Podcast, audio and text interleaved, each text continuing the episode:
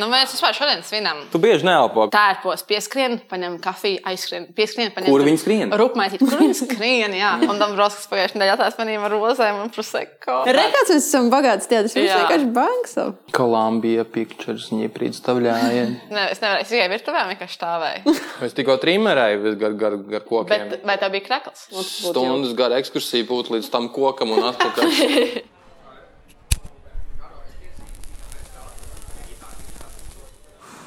Esiet sveicināti pīpētavas sarunu 17. epizodē. Ak! Paskat, kā laiks skrien. čakli?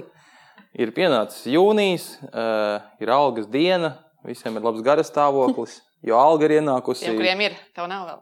Man, man tomēr ir, es pa- pamanīju, ka es biju palaidis garām īziņu. Uh, arī kultūras ministrija beidzot ir parūpējusies par liepājas min, uh, ministriju, par liepājas teātri un piešķīrusi mums 172 tūkstošus eiro. Tas, tas jauki. Paldies Puntuļkungam uh, un pārējiem kultūras ministrijas darbiniekiem. Uh, mēs, jūs pašlaik klausāties pīpētavas sarunas, un mums, mūsu, mūsu, mūsu eh, šodienas eh, iekārtojums ir tāds, ka te ir tikai teātris darbinieki.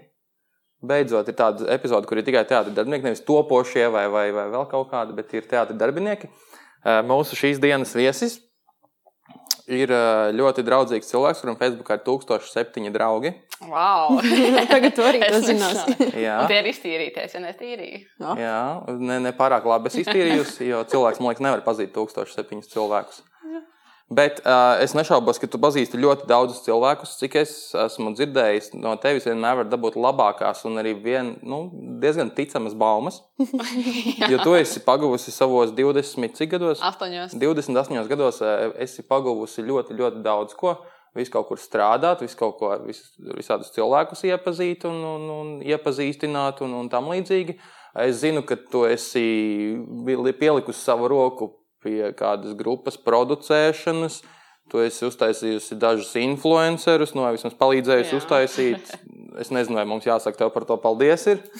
Jo cilvēki, kas taisa influencerus, man liekas, ir cilvēki, kas. Nu, Viņu sekotāji droši vien. Griež vienkārši. kas, pretējā tie ir tie virzienā. paši, kas automātus ievilina, ievilina cilvēku automātos un, un liek ņemt SMS kredītus. Ko vēl es par tevi zinu? Es zinu, ka tu esi liepainiece, sirdī un saknēs. Uh, Vārds sakot, un, un kāpēc tu esi šeit? Tu esi liepais teātris jaunā mārketinga vadītāja. Rūta Hasnere. Jeb kā mēs tevi saucam, Rūta Hastlere. Darbie viesi, Pats par to, cik ja jūs nezināt, ko nozīmē tu hustle, ā, droši dodieties uz Google, iegūlējiet, jo šis vārds ļoti labi raksturo rūtu. Viņa ir hustlere. Viņa prot kruķīties. Ai, Es jau par. Rūtu, es jau par Rūtu zinu to, ka viņa ir biteniece. Viņa Arī tamborē peldkostīmus, viņa nūjo. Un bija vēl kaut kas, kas man nogāza no kārtiem. Nu, var sakot, cilvēks multitasks. Mm. Jā. Turklāt, gāju cauri visām tavām Facebook profilu bildēm. Tu visur smaidi. Jā. Arī tagad. Bet uh, tur ir uh, pamatojums, jo man bija trīs vai četras gadus breketa skolas laikā, un es Mm. nesmaidīju Ok. okay. Vispār. kompensē. Un es ļoti kompensēju to visu. Okay. Okay. Un, Cool. Jā, un tad, uh, tas ir tagad mans tāds ierocis. Es cenšos viņu saglabāt. Bet es šodien izpildīju savu labā cilvēku kvotu. Es eh, savai sešu dzīvokļu mājai nopļāvu visu teritoriju, ko bija jādara nama apsaimniekotājiem. Nevis man, kurš brauc uz laukiem pēc trimera un lai pat savu benzīnu nopļāvu. Es varu vairs nebūt labs šodien. Oh -oh. Es, es Jā. neko labi neesmu izdarījis. Es būšu labi. Savukārt. Rasa Buļbuļsūta pēc sēž vienā kabinetā ar mārketinga vadītāju. Tas nozīmē, ka te, protams, nekāda, nekāda, nek- nekāda nebūs. Nu, Jūs esi labais policists atkal. Jā. Bet, jā, es šodien centīšos būt tāds dziļošs un pretīgs. Nu, pamēģini. Jā, jā. Bet par rasu es gribētu rasu biežāk redzēt. Es ļoti priecājos, ka mums ir viens kabinets. Bet nu, tik. Es pagaidām kaut kā, es, vēl, es cilvēks. vairs nemāku atnākt uz darbu. Man ir zināmas problēmas. Vienkārši, nu, es zinu, ka es varētu iet uz teātri, sēdēt kabinetā un darīt, kas jāizdara. Bet uh, Kāpēc? kāpēc? Mēs briesmīgi. brīnamies, ka mums valsts nepiešķir finansējumu. Es visu tagad ir naudu iedot rīt, es būšu klāt. Bet galvenais jau, ka viss ir izdarīts. Jā. Ka mēs to Bet, bet, bet vispār ā, teātris ā, atgriežas ar 15. jūniju. Tas ir pavisam oficiāli. Jau tagad ir atļauts, principā, ne? Jā, ar 15. nē, jā, 15. Tagad ir tikai tie daži pilotu projekti. Nu, tā ir nedēļa. ne? Ārā. Tā ir nedēļa. Jā. Pēc nedēļas mēs uh, atsākam tādu pilnvērtīgu darbu. Un Kaut kad jūlijā jau arī ir koncertiņi un izrādīts. Septītajā mēs sākam. Jā, Jā, es ceru, ka tu izdarījis mājas darbu, un vari, um, šī būs uh, epizode, kurā mēs iepazīstināsim ar to, kas vispār ar Lietuvas pašlaik notiek un kas notiks vasarā. Un šī dīvainā sezona, kas, kurai vajadzēja tagad beigties, bet viņa tagad sāksies. Tā, Rasa lūdzu, plūdeni pārējiem. Plūdeni pārēji. Akiel, akiel, akiel. Nu, man droši vien visvairāk interesē uh, nu, pirmais jautājums, kas man nāk prātā, domājot par tevi, ņemot vērā to, ka man liekas, ka tu tiešām esi tāds teātris, nu, mākslinieks, entuziasts vispār, kāds var būt. Nu, kad tas Nē, sākās, kā tas sākās, kā tu nonāci Dailas teātrī, kāpēc tieši Dailas? Labi, tur jau daudz jautājumu aizgāja. Nu, sāc ar to, kā, kā tā sakarā vispār. Oi! Uh, nu, jā, tas ļoti labi pateicis. Tāds teātris entuziasts, varētu teikt, pat mēbele. Vienā brīdī, man liekas, tur dzīvoja tikai. Bet tas viss sākās uh, pirms, nu, jā, līdz būs desmit gadi, uh, septembrī. Um, es pabeidzu vidusskolu, aizbraucu uz Rīgu, mācījos kaut ko pavisam citu. Ko? Es gribēju mācīties par sākumā medicīnu. Netika ne, ne, netik budžetā, tad mamma teica, izvēlēties kaut ko bišķi lētāku. Un tad es domāju, ah, vēl man varētu patikt uh, multimediju komunikācija. Tas ir tā kā šuks, kaut kas cits. Tad Skalpelīs. es- Es vienreiz te, Jā. teātrī nu, redzēju, kā sieviete prasa, jūs varētu mohito uztaisīt pārtraukumā, starpbrīdī. Un tās Teātra bufetē. Teātris bufetē, jā. Mo- Mojito ir visčakarīgākais kokteils no visiem, Jā. ko taisa. Un, un tās nabaga bufetnieces tādas mazliet apjukušas, nu nē, un viņi tad, nu labi, tad savietskā grīstēja. Tā es tur lūdzu tagad, Jā, principā. jā un nu, ja nevar, nevar vienu, tad vai ņemsim kaut ko pavisam citu.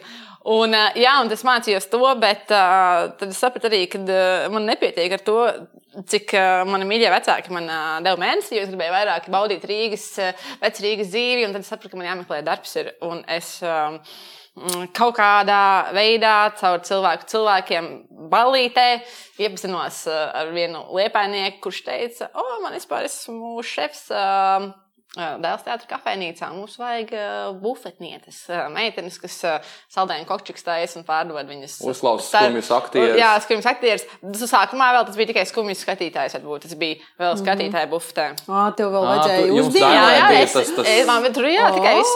Un, vēl, ne, un pat ne lielajā bufetē skatītāji, bet augšā tur pie galdiņiem. tā Kā, mm Es nezinu, vai šis nonāks, bet uh, es gribēju pasveicināt Dailas baibiņu bufeti. Jā, baibi, Jā. baibi Baibiņas zina pilnīgi klausās visu un visi cilvēki, kas pabijuši Dailas kafejnē, Jā. man liekas, tas, jā. Baibiņa ir uh, bufets gariņš, tā kā visi Jā. teātri mīl baibiņu. Jā, un tad es uh, sāku strādāt tādā dēls teātra bufetē. Uh, Un man nebija nekāda pieredze ne ar kasi, ne ar bufetnieces darbu, ne ar ko. Un pirmajā, die- pirmajā manā darbdienā Bet bija. tev bija pieredze ar ballītēm. Man, jā, es biju ļoti sociāli aktīvs cilvēks jau no dzimšanas. Un uh, es aizgāju, un pirmā, kā es atceros, arī šodien tā bija Lauras Grozes, Pītera Pena pirmizrāde, kur bija mm -hmm. tūkstoši cietīgā zālē. Viss izpārdots, un tur bija pilns ar bērniem, kuri rauja katru savu būciņu, katru savu kočiku uz savu pusi. Un tā jau pirmā darbdiena teātrī ir kas aparāts, tā cik, cik, cik. Un jā, un tad es pastrādāju kādu laiku tur. Pēc kāda gada es uh, nokļuvu Dēls teātrā. Uh, Slēpenajā bufetē. Varbūt ko daži skatītāji pat nezina, kas ir darbinieku bufete. Mm -hmm. Un tad es uh, nostrādāju tur vairāk par gadu kopā ar Bābiņu, ko mēs tikko pasveicinājām. Un tad Petrēnko iestudēja izrādi Brutāls un dēls. Un es jau biju tāda, jau samīlējusies absolūti teātrī un visā, kas notiek. Un es gribēju kļūt tik Atvaino, bet tu tikai tad biji samīlējies, vai tu jau braucot no iemīlējās Nē, es tikai, tikai kad es sāku strādāt, jo es, es nācu, es zināju tikai Liepais teātris, kur jau man patīk teātris, bet es pat nevarēju iedomāties to iekšienu. Dēls teātrī es nebiju bijusi nemaz, pat ne nacionālajā, nevienā Rīgas teātrī. Un tad es iegāju Dailē un sāku tādu bufetē, un man vienkārši atvērās kaut kāda cita pasaule. Un vēl vairāk tas bija par Nu, bufetē, protams, tad- tur atturās cita Un, kad es sāku strādāt darbinieku bufetē, un es pirmo reizi uh, apkalpoju Mirdu Mārtiņsonu, kas ir mans tāds mm, bērnības uh, elks no Sicīlijas Monikas. Man, es knapi to šķīvi noturēju, un tos kartupeļus nevarēju uzlikt. Un, jā, tas bija tāds, kas man panesa visu, un visus redzēja tos lielos grandus, un ka viņi tev prasa, Rūtiņ, jūs taisat kafiju, un, visu, un viņi tev uzrunā vārdā, un viņi zina, kā to sauc. Viņi saka, tev čau, tas vienkārši absolūti pasit to pamatu zem kājām. Un, jā, sapratu, ka tu vari kāpt augstāk. Jā, un es teicu, un es domāju, kā es varu tikt tuvāk vēl tai skatuvēji. Jo es redzu, ka viņi skrien tur. Tērpos, pieskrien, paņem kafiju, aizskrien, pieskrien, paņem Kur viņi skrien? Rupmētīt, kur viņi skrien, jā. Jā. Un es uh, domāju, kā es varētu tikt tuvāk. Viņi varētu skriet pie tevis. Jā, un, uh, un tad, jā, ģimene taisīja to brutāls un dēls. Un kaut kas tur bija noticis, vai viņiem nolica, vai aizgāja no darba, vai bija slimības labs rekvizītori. Oh, oh. Un uh, es kaut kā tur tā. Tev divreiz nebija Čišu mišu, tur painteresējos, vai es varētu tur pastrādāt kā uz uh, puslodzīti, jo man vēl bija cits darbs paralēli vēl teātrim. Bet, protams. O, jā, un, um, un tad, jā, un tad ģimene teica, nāc, uz mani izrādās, bija kameras zālē, mazā zālīte. Un, jā, un tā es kļuvu par rekvizītoru. Tas strādāja par rekvizītoru, aizgāja no bufetes prom, pamet to karjeru. Uh, Nokļuvu tuvāk skatuvēji, strādāja par rekvizītoru. Tad es Nē, nu, bet ārpēc, piedod, es tev pārtraucu, bet droši. cilvēki mums ir šodien nevis vienkārši mārketinga direktori, mums ir Cilvēks, bufetniece, kas- kurš ir slash strādājis rekvizītori. praktiski ir- visos. Jā. Tieši tā, mēs beidzot Jo ir noklāsim. ir bijusi. Jā, mēs Jā. noklāsim vienkārši visu, visas jūsu Tas joprojām ir karjeras Es arī, es arī suflēju vienai, vienai, ne divām izrādēm. Es atvainojos, tas Wow. notiek laikam tikai Rīgas teātrī, jo mēs tekstu iemācāmies. Nu, suflēšu tikai palīdz. Un, jā, un tad es biju rekvizītore vairākām izrādēm. Un, Bija nenormāli forši. Man ļoti patika strādāt ar scenogrāfiem un režisoriem, un tur skraidīt pa skatuvi. Un tās izrādes, kur bija um, starpbrīdī jāiet uz skatuves, pā- pārlikt kaut kāds pants, un nebija aizlikt aizskar, bija tās kā labākās, jo aktrise? Es gāju kā aktrise, tās bija manas 15 minūtes skaisti, flaus. Jā, cik Man bija tāds teātris, jaka, un tas tā, mm, te būs burkāns, un te būs diegs, un tā tā. Un, uh, jā, un tad es uh, biju rekvizītorā vienā izrādē, kas sauc svinības, un uh, tad Aleksandrs Morfovs. svinības tas bija, tas bija, tu sāki pirms desmit gadiem ar Pīteru Penu, Jā. tad bija brutāls un dēls, un pēkšņi ir svinības, kas ir tikai gadus, trīs 16. gadus vecs. 16. Jā, Ok. nu, par, par vidu es vēl biju rekvizītora un citādas darbības darīju. Un, uh, jā, un tas nonāca svinībās, kad uh, viņiem vajadzēja divas meitenes, kas. Ā, Tu jau sāki par savu aktrises karjeru. Jā, tagad? tagad es Ok. patris. Un tad es sāku, viņi, viņš piedāvāja strādāt par mm, izrādē loma būt par Istabeni. istabenēm, jā, par istabenēm, mm. ģitam ķestrīm. Nu. Aiziet! Un tad es vēl mana kolēģe Annika, arī sveicams Annikai, arī bija rekvizītori, un mēs divi tā to izrādi, gan, jo tur bija ārprātīgi daudz rekvizītu. Un uh, mēs bijām gan tās aktrises, gan uh, rekvizītors, un viss izrādi sākās ar to, ka es vienkārši pīpēju skatos. Ā, Jo bija tumsa, skatu mūzika, un es pīpēju tādā starpmetī skatos. Un tā bija reize, kad man atsāka redzēt, ka es pīpēju.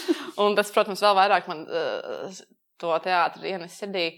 Un, jā, un pēc kāda laika, kad es. Uh, Burt, tev bija burtis darbs, kur vienkārši ir jā, jāuzpīpē. jā, jā, un tur bija Tās tās labākās lomas, ne? Jā, un tad, jā, un tad tālāk jau es sāku, jau, protams, pabeigt skolu. un Man ļoti patika visas tās Instagram, Facebook lietas, un es redzēju kaut kādas lietas, kas būtu jā, uzla, jāuzlabo uh, dēls teātrim. Jo tad nebija nekāds konkrēts cilvēks, kas to dara.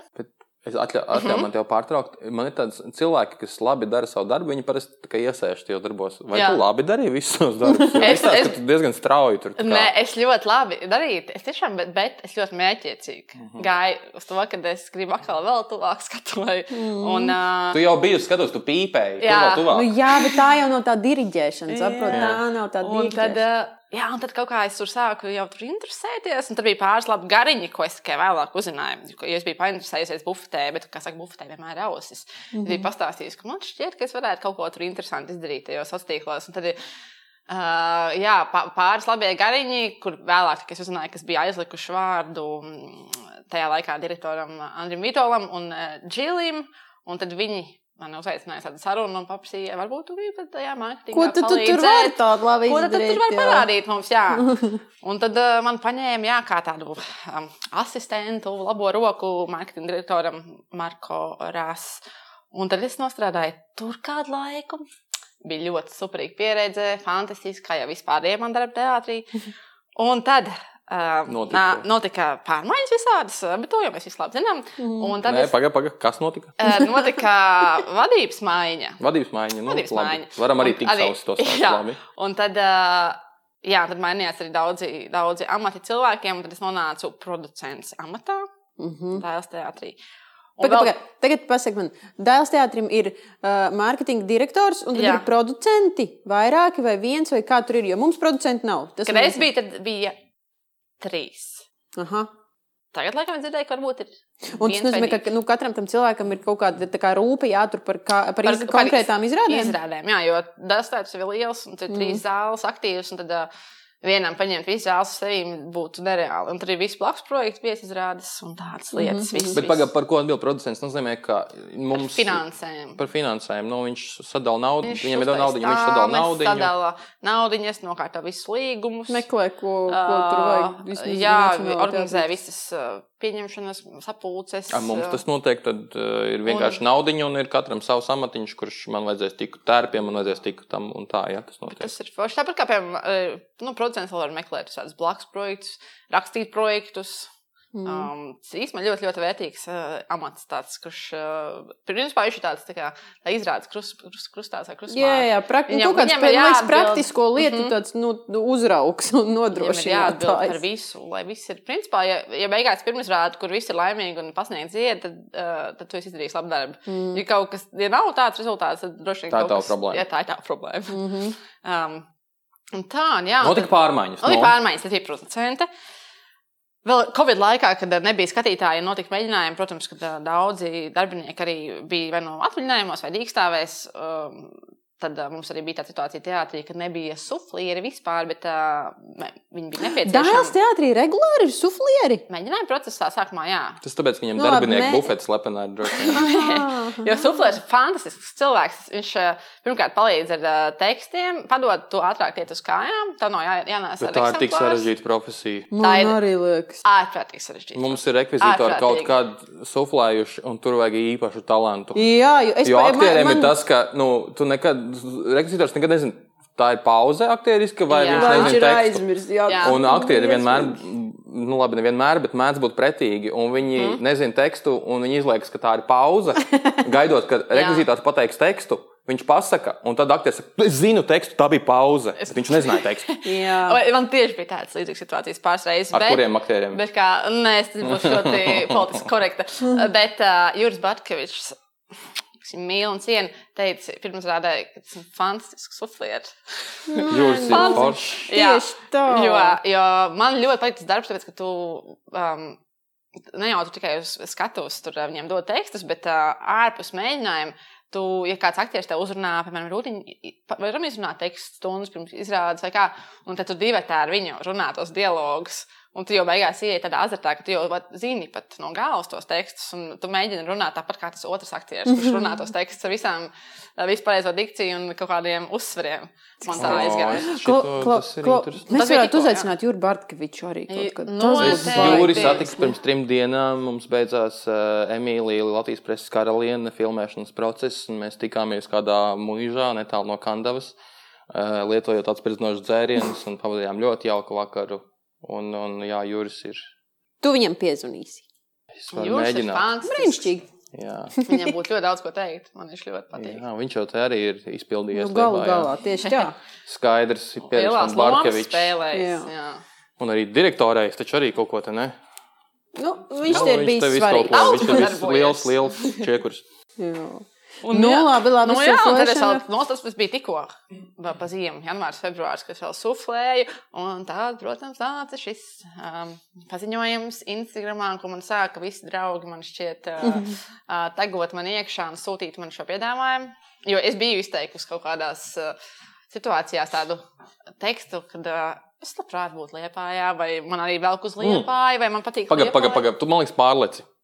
Tu biji producents, bet tu biji arī kaut kādu pusgadu asistents. Jā, ļoti biju- ietekmīgam cilvēkam. Es biju, Viņ- nē, asistents, nē, es biju mēnesi aizvietoju savu kolēģi. Mm. Uh, baigiņu es biju. Uh, tā kā- Citu baigiņu.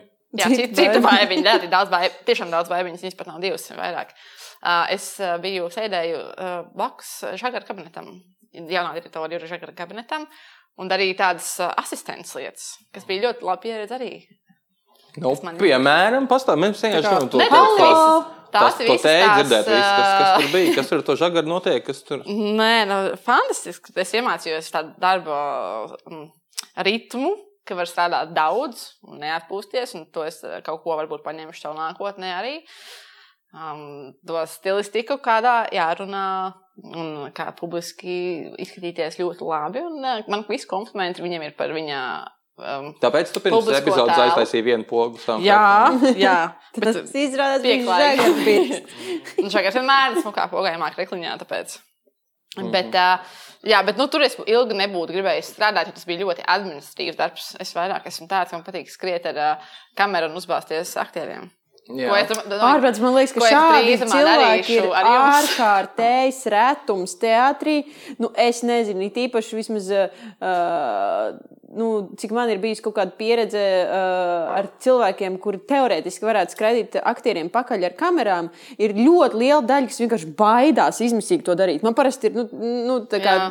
nav līdz galam skaidrs, kāpēc ir tā baila robeža. Nu, nav baigi bail no aktieriem, bet ir ļoti daudz, kuri vienkārši ne. Nu, ne Man Neuzdrošinos to man darīt. ļoti vienkārši. patīk, tāpēc uh, centīšos droši vien to darīt arī tagad.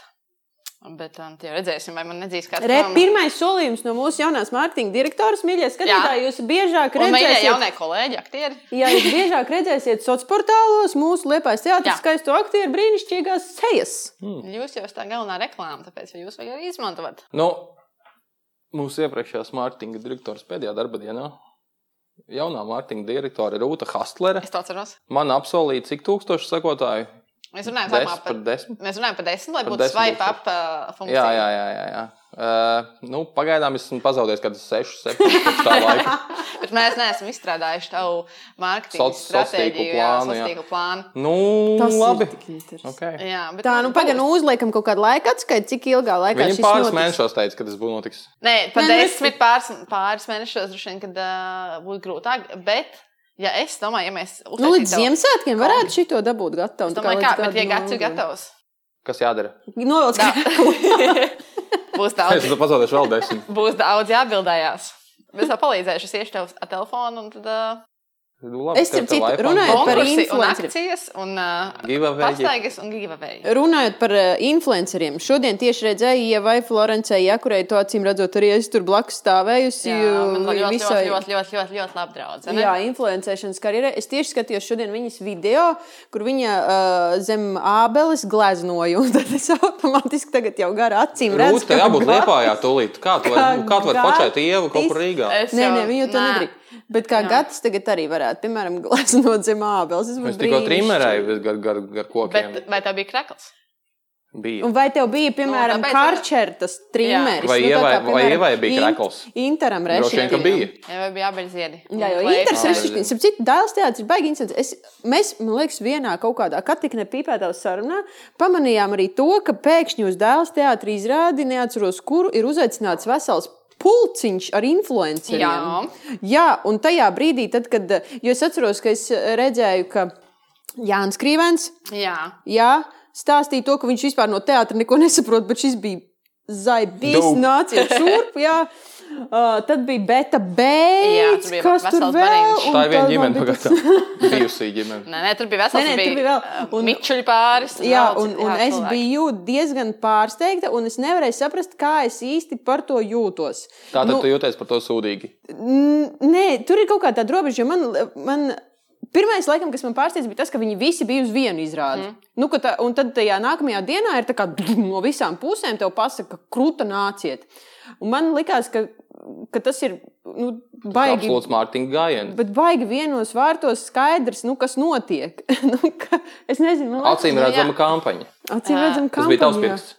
Nu, Tas bija uh, manā uh, priekšnieka, mana kolēģe Marko Ras uh, ideja un pirksts. Jo tā izrāda bija, tas bija speciāls gājiens, jo tā izrāda bija, tas bija sidru, sidraba šķidrums. Šķidrums, jā, pareizi. Un Viņi ir absolūti tendēti uz jauniešiem, tur ir tādi stāsti. Un, uh, Tur ir uh, k- kluba mūzika, kā teiksim, un uh, visas tādas jauniešu aktuālas tēmas, kur bija jāpiesaista tieši jaunā publika. Un, uh, Viņi jau nav tie, kas uh, paceļ acis uz augšu paskatās uz kādu lielu baneri vai mm -hmm. uh, lasa avīzēs kaut kādus kādus press releases vai um, uh, iet uz kasi un skatās programmu. Viņiem vajag, lai viņiem telefona ekrānā pasaka, nāc šo izrādi. Jo Vēlams vairākas reizes. Vislielākā iespēja tāda, ka viņi arī nesako dēls teātris profilam vai jebkuram citam teātris profilam. Jo viņi vienkārši tas nav viņiem interesanti. Un tad pēkšņi tas pats Jānis Krīvēns vai Beidz, ja viņi ieliek, ka, oh, tā izrāde tur eh, ir superīga, nāciet, eh, viss ir forši. Bet bija, Viņi- bija rezultāts tam visam. Jūs jutāt, ka Bija, ir no nu, bija jā, man publikas tas personīgi vecums? arī man kaut kādi draugi, draugi teica, o, mēs tur redzējām. Nu, es arī pamanīju. Tas Jā, ne- redzējām tur reklāmu, mēs iesim. Mhm. Jo arī bija tā, mums bija Dēls teātrī bija tāda akcija, izrādē Elpa, kur viņi dalīja tādas uh, auduma summas foršas. Un, uh, kad Tur uz, uz plakāta esmu es uzzīmēts. Vītoļi ir uzzīmējis mani. Tā jau tā tā liekas, droši vien. Tas, tas re, nē, Nu, to man atsūtīja Anžāns. Un, un, un, un, un tas izskatās pēc tas īstās Vai, pēc manis nu- tikai čirkains. Jā, Mēs ieliksim bildi. Ah, Čirkens, tas bija Kārls Avots. Nē, tas esmu es tajā jā, plakātā. ok, ok. Come on, mans lūps tur bija.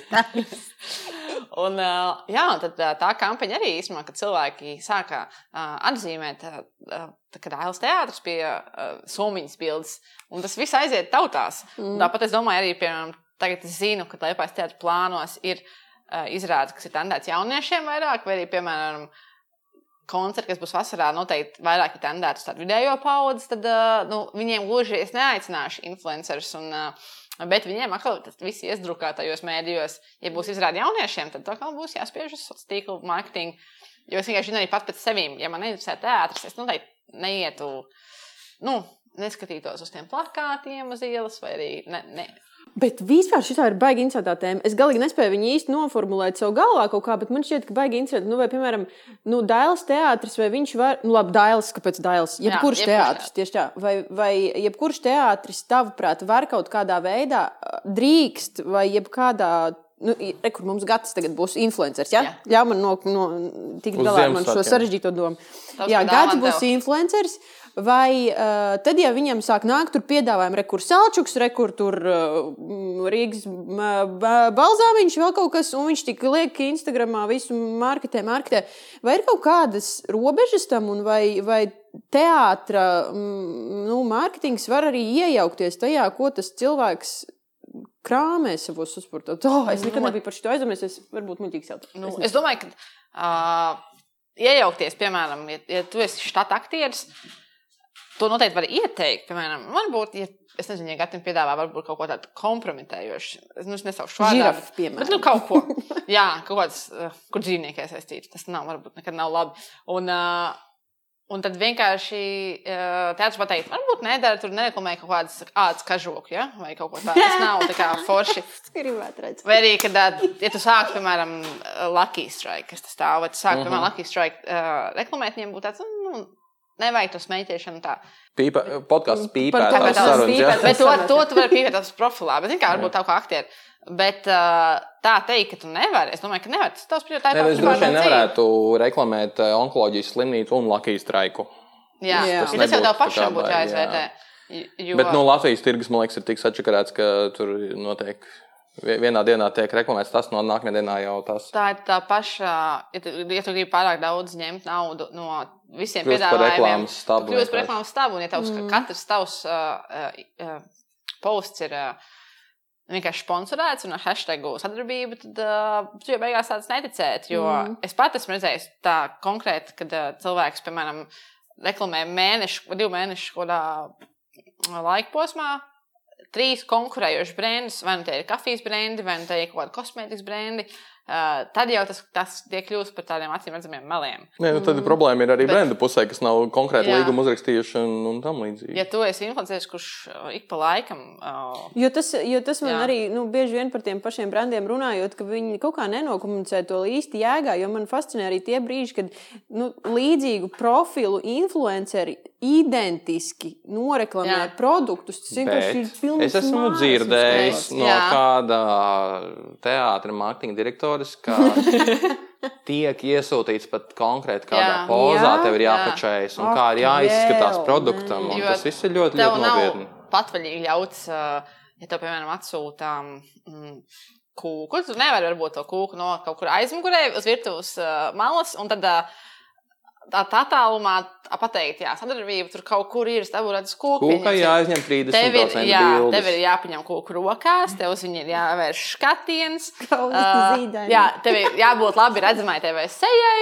Tādā leņķī, labā apgaismojumā, un tur ir tā lielā kūka. Tāpat visiem Oh, brendiem. Un tad tu uztaisīji tās bildes vairākas, tu aizsūti viņiem. Viņi var pateikt, ka apstiprina. viņiem nepatīk. tā Ah, bilde. nu labi, es tev vairs nebūšu tāds haters. Tas nav ar visiem, jā, tas nav ar visiem. brendi Tas ir neko darbiņš. ne- Jā, tas ir reāls darbs. Nē, nu, bet, piemēram, brīdī, tad, kad man viss telefons ir pilns ar putekļu sūcējiem, man gribas vienkārši izdzēst visus viņus ārā. Es nesakoju nevienam influencerim, apzināti, izņemot dažus pazīstamus. Bet uh, nu, man, man, es nesen nofilmēju salas reklāmā, kas nav nekur parādījusies. Nezinu, kāpēc. Bet, uh, manā Es līgumā bija rakstīts, ka es divus. Ah, tu zini, kāpēc es neesmu tajā reklāmā? Nē, nē, nē, bet mēs zinām, tā sāpīga tēma man šķiet. Jā, nē, nu, jā, es nofilmēju salas reklāmā, nesauksim, kurā. un Es, tā reklāma vēl nav iznākusi, lai gan es filmēju jau kādā aprīlī. Un manā līgumā bija rakstīts, ka es divus gadus nereklamēšu nevienu citu alu. Nu, nav jau tā, ka man visu laiku alus reklāmas tiek piedāvātas, bet uh, nu, tur tas bija tā atrunāts. Jā. Bet pir, pirms mēs te, es pārāk jauks esmu pret tevi. Jā. Uh, Viņš par šo runā, ka man pilna mutes jā, nevar jā, aizstāvēt. tu žļembā.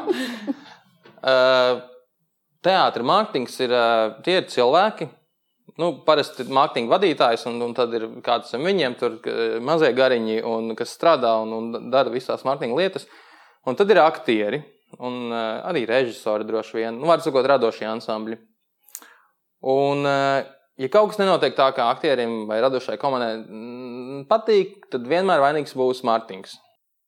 Bet tas ir tikai pie jums. Es nekad tā nebiju dzirdējusi. tā- tad me- Es nekad to- liepais tāda podkāsts, tas Es problēma. nekad to tam- nebiju mums. dzirdējusi pirms tam, līdz pateicu, nu, pie mums ir tā, ka mārketings vienmēr ir vainīgs. Kāds salauž kāju, mārketings vainīgs. Nu, redz, neiet to, mārketings mums to vajadzēja zināt ar, ar, ar iepriekšējo mārketinga vadītāju, bet mēs to nepagavām. Jā, čau. Jā, čaužaņā. Tā hipotētiski, hipotētiski uh, nu, vienmēr ir tas, ka, teiksim, tu uztaisīji sūdīgu izrādi. Mhm. Mārketing, mārketingam tā izrāde ir uh, jāreklamē. Vai arī izdodas laba izrāde, un arī šī izrāde mārketingam jāreklamē. Bet tas mūsu viedoklis, es nesaku, ka ir, par, tas ir pareizais viedoklis, jo tad, kad mēs uztaisām sūdīgu izrādi, un zāles ir tukšas, mēs vainojam mārketingu. Loģiski, jūs neesat izpārdevuši. Kad mēs uztaisām labu izrādi un zāles ir pilnas, mēs neslavējam jūs, tāpēc tā vienkārši ir laba izrāde. Ko jūs tur reklamējat? Vienkārši labi izrādi, viņa ir pilna. Kā tu vari komentēt šo? Es neizvirzīju problēmu. bet, Principā Jā. tu biji diezgan skarbs pats pret sevi šajā jautājumā, man liekas. Nu, uh, Vai Jā. teātrim, nu, protams, ka teātrim nevajadzētu taisīt sūdīgas izrādes, bet gadās. Nu, gadā. jā, Gadās. nu, gadās. Visiem gadās. Jā, un nevienmēr viņas var tur izdzēst no vēstures, bet uh, un viņas ir jāspēlē. Nu, tad kas, kas Mārtiņam jādara? Jāaicina influenceri, lai nāks tām izrādēm. Bet tas ilgtermiņā ir daudz, daudz sliktāk teātrim, ja tu atnāc. i- Ieaicini Jā. vienreiz to nabaga pusaudzi iekšā, viņš atnāks to izrādīt, tā izrāda ir sūds, un viņš, nu, nē, paldies, es vairs Un nenāku. visticamāk, ka tas influenceris Man ir divi jautājumi, pateiks, man viņi jāpieraksta kad uh, otrs. tā izvērts sūds. Jo reti, kurš influenceris pat ja viņam samaksā vēl ar ilgumu, viņš reti, kad melos un teiks, o, oh, man tā patīk, pat ja viņš ir aizmirsis. Es domāju, ka tas būtu riskanti. Bet par to. Nu, labi, pat, ne, pat nemēr par Bet par to influenceriem. mārketingu vispār. Vispār par, es par cilvēku. uh, domāju, ka ik, nu, tā jau saka, labs uh, mārketinga speciālists vai labs re reklāmists var uh, tur pārdot jebko tur, uh, ronim, riteni vai kā tur saka. Tad, uh, bet uh, tas, ka uh, to var ļoti, ļoti īsu brīdi, piemēram, ja, arī pirm, pirms pir, pašas pirmizrādes. Visbiežāk jau radošā komanda un pats teātris zina, ka tā nebūs laba izrāde. Tur nav vajadzīga pat pusstunda Es nekad nezinu. Nē, nu, Es tu vari, nu, tu vari just, ka varbūt nebūs tā pat labākā. Nu, banka tā to vienmēr var just. Jā, un uh, tu jau līdz tam brīdim publiku tu nezini, tāpēc tu viņu reklamē no visas labākās sirds, tāpat kā vispārējais izrādes. Bet tad, kad tā cilvēki sāk nākt un tās runas par to izrādi aiziet jau publiski un no mutes mutē tā informācija klīst, tur jau neviens mārketings, neviens baneris, neviens kaut kāda zibakcija vai bezmaksas kaut kādas dāvanas, viņas jau to neglābs ar to, ja tev tavs draugs pasakā, wow, nē, tā kā.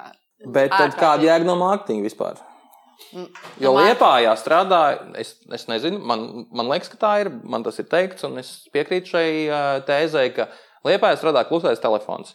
Atnāk pirmie 458 mm. skatītāji izrādi, un katrs mājās pasakā, jā, šis bija labi, var nākt, un cilvēks sāk nākt, vai arī nesāk nākt. Nu, jā, tas, nu, tas ir. Nē, nu, tas ir normāli. Man liekas, ka tādai, nu, tādai tas, tas jau ir. Ļauj viņai atkauties no manis. Nu, es ticu, ka jau kā, ja, vi- visu var pārdot, jebko var pārdot. Bet vai tu beigās visa teātra vārdā tiešām gribi mākslīgi radīt kaut kādu ilūziju par to, ka nu, tavs uzdevums ir pārdot, pārdot, pārdot, ienest naudu, bet vai tev, vai tev sirdsapziņa ļauj tiešām melot kaut kādās kampaņās? Jo tur var taisīt intervijas tur ar aktieriem, viņš stāsta, cik viņam ir piemēram par lielu intervējām galveno aktieru, kuram ir superīga loma, ka viņš ir tik priecīgs. Viņš stāsta, ka viņš mīl to varoni, un viņš par to stāsta, bet viņam, principā, aiz muguras tur tā kā pistole, jā, tā mārketings, tā kā no, runā. Vai tas varbūt ir tas Tad pats brīnīties, ka mēs, ka labākais? mēs vainojam par Jā. visām nelaimēm. Nē, bet tad vienkārši jā, jāmēģina tajā situācijā, no atkarībā no kā tā problēma ir. Vai nu, Nu, nu tur ir Es lai gribas runāt par virusu tādu, tas ir briesmīgi. Runā šķiet, droši. ļoti. Nē, es vienkārši, eh, man vienā brīdī man šķiet pielicis arī, kāpēc Liepājas teātrī var būt šāda sistēma, eh, nu, ir radusies, ka vienmēr vainīgs mārketings, bet tas ir tāpēc, ka salīdzinājumā ar citiem teātriem mums nav tik regulāri pirmizrādes, un automātiski katra izrāde, kur notiek, nu, tu liels jūti baigi, jā, un tu baigi jūti, vai viņa aiziet, vai viņa neaiziet, un tu pārdzīvo daudz vairāk, ja tev ir tā nākamā pirmizrāde pēc mēneša vai diviem, nevis vai nākamajā dienā mazajā zālē būs, tad jau būs ok. Nu, ka tas Viena kaut kā zāle, un tas ir vienmēr liels tāds. Un vēl Jā. tādi ļoti lokāli un, un vispār jau ir ļoti, ļoti, es teiktu, ka Mums ir mēnesis vēl cilvēku. atgriežusies Liepājā.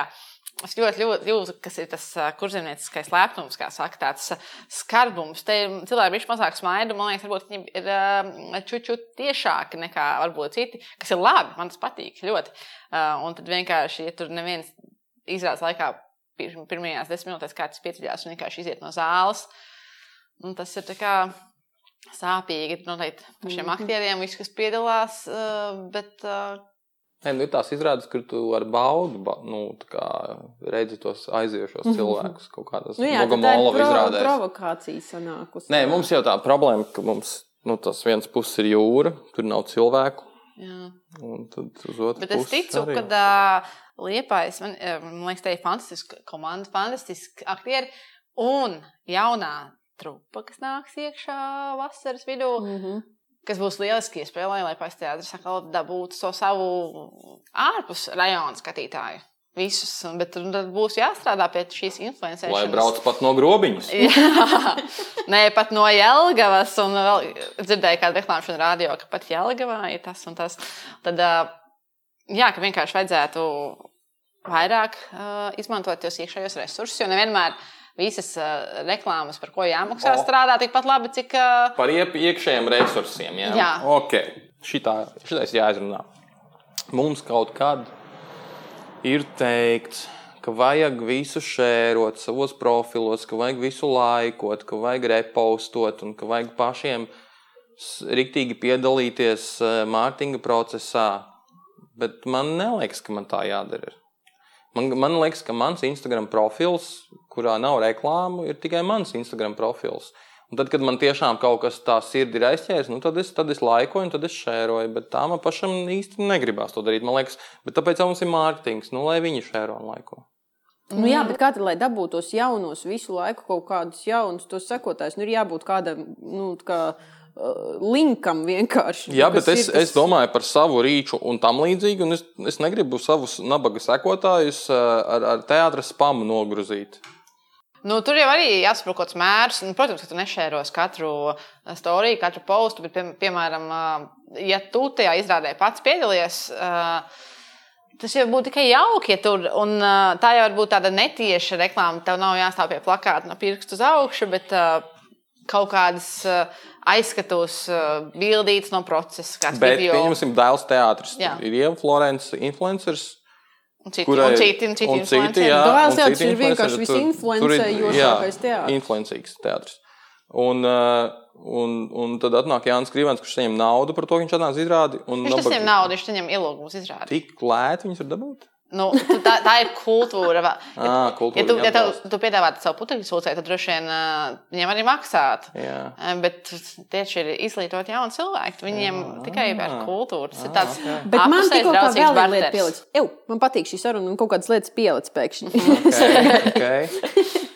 Man, nu, viens no jautājumiem, kas man ienāca iepriekš prātā, par kuru es esmu domājis pirms tam, un kas man liekas ļoti uh, nu, arī tāds neatrisināms kaut kādā mērā, bet varbūt tieši to var palīdzēt atrisināt ar kaut kādiem šēriem un laikiem no aktieru vidus, ir tas jautājums par to, ka nu, nāk pirmizrāde, protams, mums ir kampaņa. Mums ir visās malās plakāti, banneri, viss tur pilns, aiziet, intervijas, vispārējais. Tu izrādi parādu trīs reizes, tad ir kaut kāda ap, apsvēruma dēļ, ir pauze. Nākamā mhm. rādīšana ir pēc mēneša, varbūt vēl, vēl tālāk. Un ļoti bieži ir tā, ka nu, man arī kā cilvēkam, kurš piedalās radošajā procesā, ir cēme par to, ka tad, ja tā izrāde ir padzīvojusi mazu mirklīti, pēc tam tā reklāma nomirīja pilnīgi ar galiem. Un tad vienkārši, nu, kā tā izrāda dzīvo, tā nu viņa tur arī dzīvo. Vai viņai ir kaut kāda iespēja izvilkt galus vai nē. Un tad varbūt, nu, varbūt tiešām tajos brīžos, rekur, ka tas ir tas jau reklāmas otrs vilnis, nu, tad ir jēga no kaut kādiem, nu, ja tev ir svarīgs tas darbs. Jā, no kaut kādiem. Tur, tur vienkārši vienmēr jau nāk tā, tās jaunākā, pirmie minēta. Ir pēc mēneša diviem nāk jauni izrādi. Nu, tā vidē ir. Mm. Un tad, protams, ka tas visu uzmanību jāvēlta jaunajai. Bet tur tieši noder tas, jā, tas ka paši aktieri, sociālā tīkli, kas tev nemaksā liela nauda, tev nav jāpārprintē kaut kāda milzīga banera vai reklāmas televīzijā jālaiž. Tu vari strādāt tieši ar to, kas ir pat bez maksas. Tu vienkārši uztaisīt no tās ejošās izrādes. Varbūt kaut kādu mazu interviju ar aktieri. Tur, uh, nofotografēt tās izrādes tērpus, skices, nezinu, ieskaties. Nu, kā... Neiz, neiz, neizšķirot visu pulveri, jā, jā, atstāja kaut ko mums, sekotājiem. Jā, jā neizstāstot. okay, nu, tas ir jau tāds. Bet kā, vēl viens, man vēl viens jautājums tev, mm, par to, nu, kā ir ar. Nu, kā lai atkal noformulētu, ārpus tas ir jocīgi. Nu, var sakot, arī ir kaut kādas izrādes, hmm. un automātiski ir arī. Uh, es šobrīd runāju pilnīgi kā tas cilvēks, kurš taisa tos darbus, ja, un kurš ir gājis emocionāli tam visam cauri. Var sakot, un ir kaut kādas izrādes, kuras tiek masveidā visās vietās. Nu, tā kā, yes, yes, re, kur mums ir šītais gabals, mēs liepais teātris, nu, tik mēs šito te baigi grādām. Un paralēli notiek kaut kāds cits process. Un par to vienkārši circeņi čīgā absolūti kaut kur. Kā nokontrolēt to vienlīdzību, tomēr arī tai reklāmai kaut kādiem, nu, kaut kādiem procesiem? Nu, man jau liekas, ka visos teātros ir iekšējā. Iekšējā tajā komunikācijā viss ir jau sezonas sākumā, vai arī sezonas beigās, kad parasti plāno nākamo sezonu. Nu, tas, tas, nezinu, tas ir kaut kāda sapņu informācija vai kā, bet man liekas, ka paša vadība jau um, izvērtē, kuras būs tās prioritārās izrādes un kuras tad seko aiz tām nesliktākas, bet vienkārši ir pāris prioritātes. Uh, Uz šo mēs spēļēsim. Uz šiem mēs uh, tērēsim milzīgu naudu tur māksliniekiem, milzīgu naudu scenogrāfijai, milzīgu naudu. Nezinu, visam. Un ir izrādes, kas ir tik dārgas, ka tu aprēķinot, tev jānospēlē viņa kaut kādas trīs sezonas, ka tu varbūt viņu atpelnīs. Tāpēc viņi vienkārši Uh, nu, uzspiež, jā, tā viss ir matemātika. Jo, tu, ja, piemēram, tā izrāde izmaksā, pieņemsim, tur uh, 10,000, viena izmaksā, izmaksā pie 100,000 tad uh, to pa desmit uh, visdrīzāk atpelnīs ļoti ātri. Pat, ja tur nebūs tik liela reklāma, jau cilvēki tāpat tās izlasīs bukletiņus. Ja mm -hmm. ceļš viņi būs labi, tad uh, tas aiziet no mūsu mutē. No, tad ir kaut kāds tas brīdis, kur, kur paliek tā bīda aktieriem, ka viņiem liekas, un ne jā, tikai bet, aktieriem. Nu, un, re, štata darbiniekiem. Dramaturgiem. Jā. nu, jā. Kad tev liekas, ka, nu, jā, rekrutē to lielo mūziku, tā reklamē, reklamē, bet reku mūsu mazā izrādīt, nu, neviens tā. Mm. Bet iedomājies to brīdi, kad tas, piemēram, tas lielais mūzikls vai jebkur, jebkur lielā izrāde, kas pieņemsim, ir izmaksājis pie tur gandrīz simts tūkstošiem. Un, ja viņi netiek reklamēti, nu, varbūt kaut kas noiet greizi tajā radīšanas procesā, un viņi varbūt nav tik labi, kā viņi gribējās. Un tad, piemēram, pēc, jau pēc 20. izrādes apmeklējums apmēram ir 60% no zāles. Nē, nu skaidrs. Tas ir nu, milzīgi mīnus. mīnus. Ja man pasaka, ka runa ir par atpelnīšanu, kaut kādu procesu, tad, tad tā bilde paliek skaidrāka. Un man liekas, ka rekur, nu, šis ir vienkārši vērtīgs, vērtīgs podkāstu ieraksts. Būs beidzot, man šķiet, mums ka abiem. būs mums abiem taču. nu, būs kaut kāda skaidrība arī no tā, kāpēc, kāpēc tiek darīts kaut kas, bet netiek darīts kaut kas cits. Forši. Jā, jo nu, tas mārketinga uzdevums jau principā ir palīdzēt vienkārši teātrim uh, nopelnīt naudu. Un tā jau tas ir vienkārši uz, uh, radīt viņam labu. uh, to imidžu, lai viņš ir uh, vizuāli pievilcīgs, lai uh, cilvēkiem ir interese uzturēt labu komunikāciju ar skatītājiem un vispārējo. Un ienest biļetītes ar vien vairāk. Bet nu, tu iepriekš pieminēji to nākamo sezonu, ja, un man personiski eh, nu, gribas iebakāt. personīgi? Nu, personiski, personīgi gribas iebakāt iekšā informāciju par to, ka es esmu ļoti uh, nu, priecīga un gaidu nākamo liepais teātris sezonu, jo man liekas, ka mums ir diezgan košs. Uh, nu, tas režisoru klāsts, man liekas, ka mums tā kaut kā ir. forši viņi ir sakrituši. Kā es direktoram pateicu, ka man liekas, tas ir tāds Latvijas zelta fonds. Tāds Nu, jā, jaunais. šā brīža Jā, tāds, šā tāds brīža. jaudīgais gals mums. Bet to mēs ā, būs. runāsim pēc mūsu preses konferences. Kad mēs Kad? Jā, mēs neko nepazīstam. Kad mums būs? Kad mums būs preses konference? Preses konference mums plānojās, vēl precīzi mums nav, bet ap Jāņa līgo periodu. No, Ā, nu, nav tik Arī traki. jā. pirms vai pirms- pēc jāņem. Nu, Vislabāk būtu, ka pirms, bet nu, to Jā. mēs redzēsim pēc visas aiz cilvēku aizņemtības. Bet tad, tad arī oficiāli noteikti tad varēsim teikt simtprocentīgi, ka mums ir tas un tas, bet tādam sneakpīkam, kā saka, kā Ras teica, ļoti krāšņs. Mhm. Krāšņš tāds, tāds, tāds. Būs, tāds. būs. Jā. Klau, vai kritika un arī negatīva ir teātris mārketinga instruments? Un, ja ir, O, ļoti labs jautājums. Tas ir kā to Santas jautājums. paturēsim to noslēpumu. un, ja ir, tad kā to teātrim vislabāk izmantot savā labā? Kritika tieši.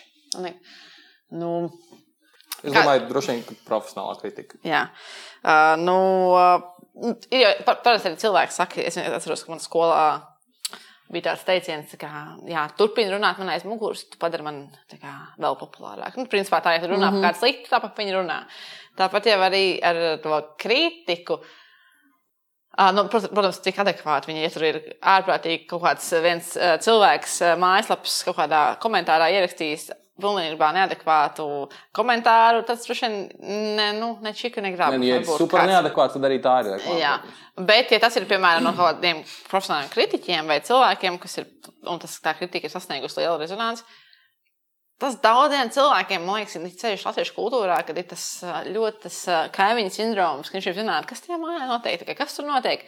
Un kad, ja, piemēram, man saka, tā izrāda tik slikti, es, es nekad, nu, nekad neiesaku, es gribu zināt, kā, es gribu zināt, kas tur ir, kas tur ir slikts. Varbūt es pasmiešos, varbūt man būs garlaicīgi, bet es gribu zināt, un varbūt dažreiz pat šī kritika uh, palīdz. Un daudz cilvēku jau arī noteikti mm, ir tādi, kuriem ir savu galvas paciem, un viņš saprot, ka uh, ne visu cilvēku. Bet kā mārketings to var to izmantot? jā. Un es domāju, ka tur vienkārši ir gudri. Nu, man personīgi vēl nav tie Labi, bet to mēs redzēsim. Cerams, ka nākamajā sezonā jau tā būs žilbinoša. Bet, nu, Bet es noteikti to izmantotu kā kādām gudrā veidā, varbūt komunicējot, pat izveidojot dialogu, dialogu ar to kritiku. Jo tu jau neies tur, ja die, dienas eh, avīzē ir ielikt, piemēram, kaut kāda recenzija, tu jau neies tur rakstīt pretī, ka ne, Nē, ne, nu, šis bet ir nebija. taču bijuši šie, šie gadījumi, kad kas, tas bija nacionālais teātris, kas kaut kādam kritiķiem aizliedz nācām izrādēm.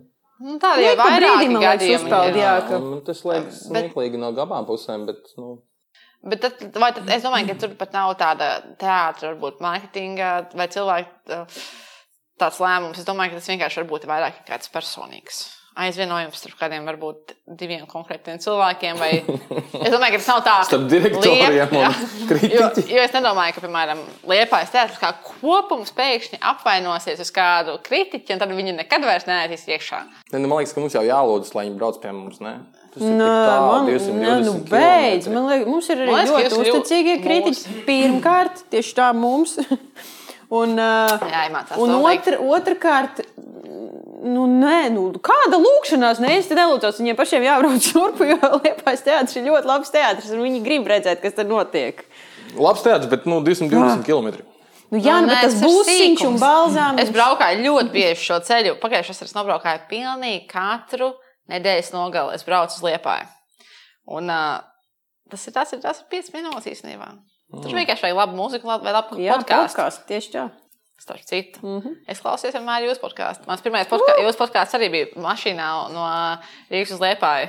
Tas Jā, jātais ir divstundīgās epizodes. Kad jūs zvanījāt visiem kolēģiem, tad atceros ļoti spilgti.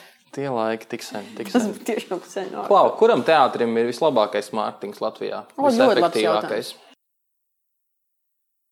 Un To ir grūti pateikt, jo viņi ir ļoti dažādi. Ja, Nu. no. ja piemēram, mēs paskatāmies tagad uh, visus tēlus blakām, tur tās mārketinga, stratēģijas man šķiet ir absolūti atšķirīgas. Nu, pilnīgi, pilnīgi, jo tiem teātriem katram ir savs stilistika. Vienam tur būs tikai melnbaltās bildes, vienam būs kaut kas superkošs, vienam uh, viens ieliek vienu bildi mēnesī, jo viņiem strādā. Bet, mm -hmm. uh, tas ir atkarīgs no teātra. Bet man, man pa, pašai ir prieks par vairākiem teātriem. Jo, ja godīgi, ja pirms pieciem gadiem, kad es sāku kaut ko par to vispār interesēties, par tādiem sociāliem tīkliem, vai arī internetu vispār jau mārketingu, tad nevienam teātrim nebija labs mārketings. Tā tieši digitālais, digitālais mm -hmm. mārketings. Šobrīd Nacionālais teātris vienkārši fantastisks. Krāsaini, koši, profesionāli, augsts kvalitātes. Dēls teātris arī augsts kvalitātes video, uh, bildes vispārējais. Liepais teātrim aktieru. Uh, Trūkums? Vis, nē, aktieru trūkums, nē, bet uh, aktieru bildes, skatījos, piemēram, pagājušajā gadā ļoti priecājos par meklējuma, meklējuma aktieri. Tas mm -hmm. koncerts. Uh, tas bija fantastisks mārketinga kampaņa. Uh, arī sociālos tīklos. To es redzēju visu mēnesi. To redzēju, kā liepais teātris koncerts.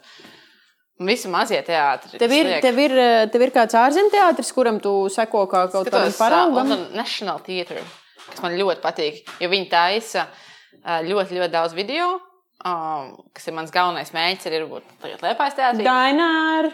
Tev te darbības. Ļoti daudz uh, video, es tam palīdzēšu, lai viņš neuztraucās.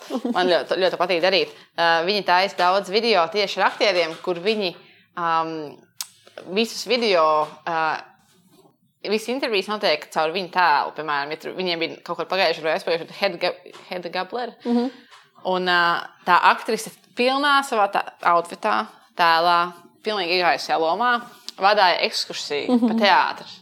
Pilnīgi kā viņa, tā kā nevis kā aktrise, bet tas tēls. Viņa taisa ekskursijas, pa, viņa iet pa Londonu, pilnā arī dzer kafiju, kā var uzīt pilnā tēlā. Viņa veido daudz šādus mazus minūtes garus video, kuriem ir ārprātīgi daudz skatījumu. Mm -hmm. Gatis, viss. Kurš būtu pirmais raksturs, kas tev nāk prātā, ko tu gribētu, ar kuru tu gribētu iziet e, ekskursijā pa Liepājas teātru? Tas varētu ar firsu no ķiršu dārza, un tad stundas gara ekskursija būtu līdz tam kokam un atpakaļ. Es gribētu tādu video ar tā tālu no mizantropa. Man ļoti patīk tavs tāds. Tā ir norakstīta izrāde, ko mēs celsim. Bet, nu, jā, ja, ja es varētu teikt, izvēlēties, jā. Jā. Tā būtu fantastiski. Un, jā, tas, tur katram teātrim vienkārši pilnīgi tāds savs. Un tā, labākais teātris mārketings ir. Un šobrīd liepais teātris mārketings. Tieši tā. Vēl nav. Nebūs on, augstprātīgi, bet, bet, uh, esmu tikai iesākuši šo darbu. Nu, bet, bet, bet, nu, varbūt tad šajā brīdī plūstoši pārējai rūta. Nu, drusciņi pastāst, kas tad būs nu, tajā, šajā, tajā šajā vasarā. Kaut ko konkrētāk drusciņi, ne? Tad viena Nu, mēs vispār šodien svinam. Mums šodien ir liela svētki, jo šodien pirmo reizi pēc ļoti ilga laika bija atvērts plaši kases durvis. Yeah! Un, var ā, uzturēties trīs cilvēki. Un Benitiņa vienkārši smaidīga pārdeva tādu cuku, cuku, cuku, visas uh, koncerta biļetes. Un, uh, jā, un mēs Viss trīs pārdots. nu, visi procesā, visiem mm. procesā. Un, jo šis bija tāds. Jo vienmēr var pielikt vēl kādu koncertu. Šim koncertam uh, uh, grūtākais bija tas, ka uh, nu, to jau mēs visi arī Latvijā uzzinājām salīdzinoši nesen. Ja tā būtu parasta situācija, tad mēs tās reklāmas kampaņas jau būtu izlaiduši mēnesi pirms tam. Mm Mhm. -hmm. Tagad tas mums bija jāizdara ļoti, ļoti, ļoti ātri, kas nevienmēr ir viegli. Un, uh, jā, un mēs sāksim uh, principā, uh, savu koncertu ciklu. Latvijas stundā un akācija palaks. Uh, viens ir Raimondam Paulam, viens ir Mantam Kalniņam veltīts, kur dziedās viņa dziesmas un smuki uh, pa- pavadīts vakars būs ar aktieriem. Bankas Jā. pagalmā. Jā, Liepais teātra ielā 3. Uh, Mhm. Nevis bankas, bet jaunās teātrā, jaunā teātrā. Liepais teātra Mazās bankas salas pagalmā. pagalmā. Jūs saprotat? Rekāds mēs esam bagāts teātris, mums Jā. vienkārši bankas. savu. Un, uh, Tos 170 tūkstošus turien vadīja droši. vien.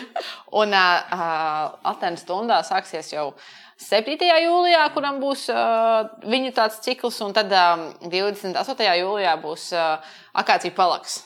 Tas arī mans kalniņš. ja? Jā, tas ir mans kalniņš. Un ir pārdošanā, būs pie galdiņiem pa četri. Pagaidām, kā pēc visiem valdības lēmumiem, bez ierobežojumiem, bez maskām, bez distancēm. Tā kā ja jūs esat kompānija kopā ar astoņiem pat vairāk draugiem, jūs varat blakus nopirkt galdiņus un, un visi forši sēdēt. Protams, arī stāvbiļets ir. Un uh, būs arī kafejnīca, kā īstā izrādē, ar pauzīti, ar upiņu balzāmiņu. Un uh, tad jau pavisam drīz mēs arī pārdosim biļetes uz izrādēm. Šis man interesē, jā, es klausos. mēs piedzīvosim uh, miljonus labu lietu pirms rādi jau jūlijā mēnesī.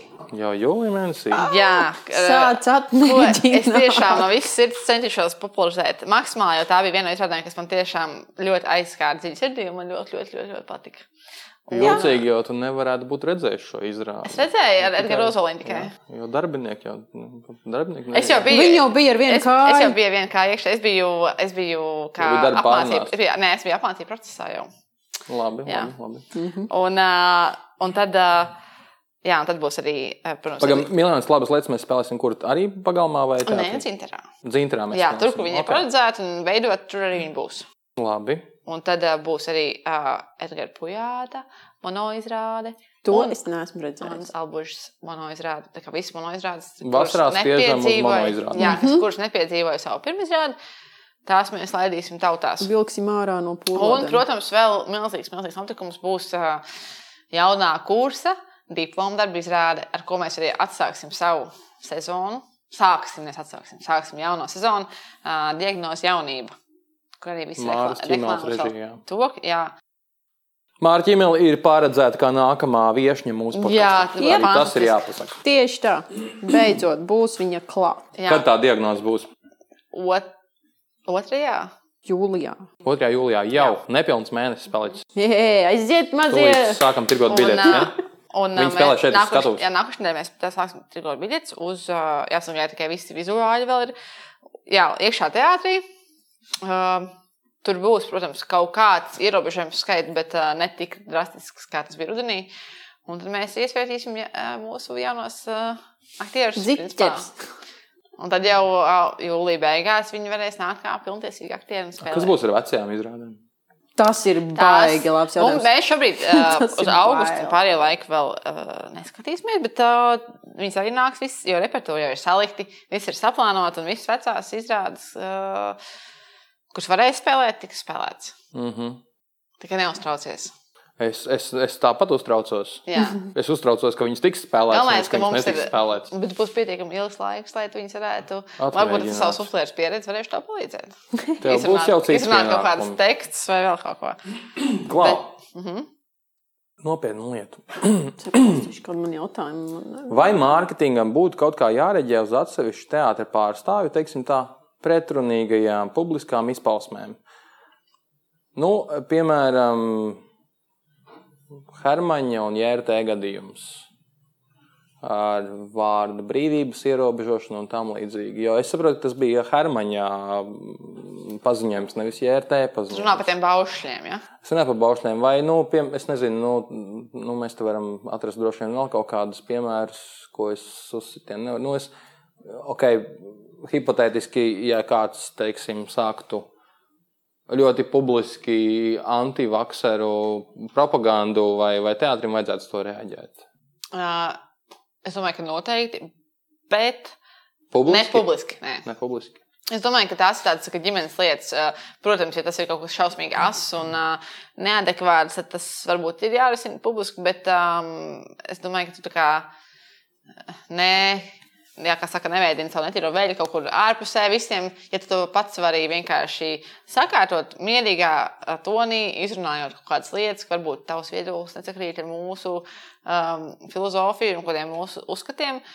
Um, varbūt mēs varam to atrisināt vienkārši apusēji, vienojoties par kaut kādām normām, kurās varbūt ir kaut kādas lietas, par ko tu nerunā, ja tu tomēr esi daļa no mums. Um, un tavs imīķis īstenībā ļoti cieši saistās arī ar mūsu kaut kādu identitāti.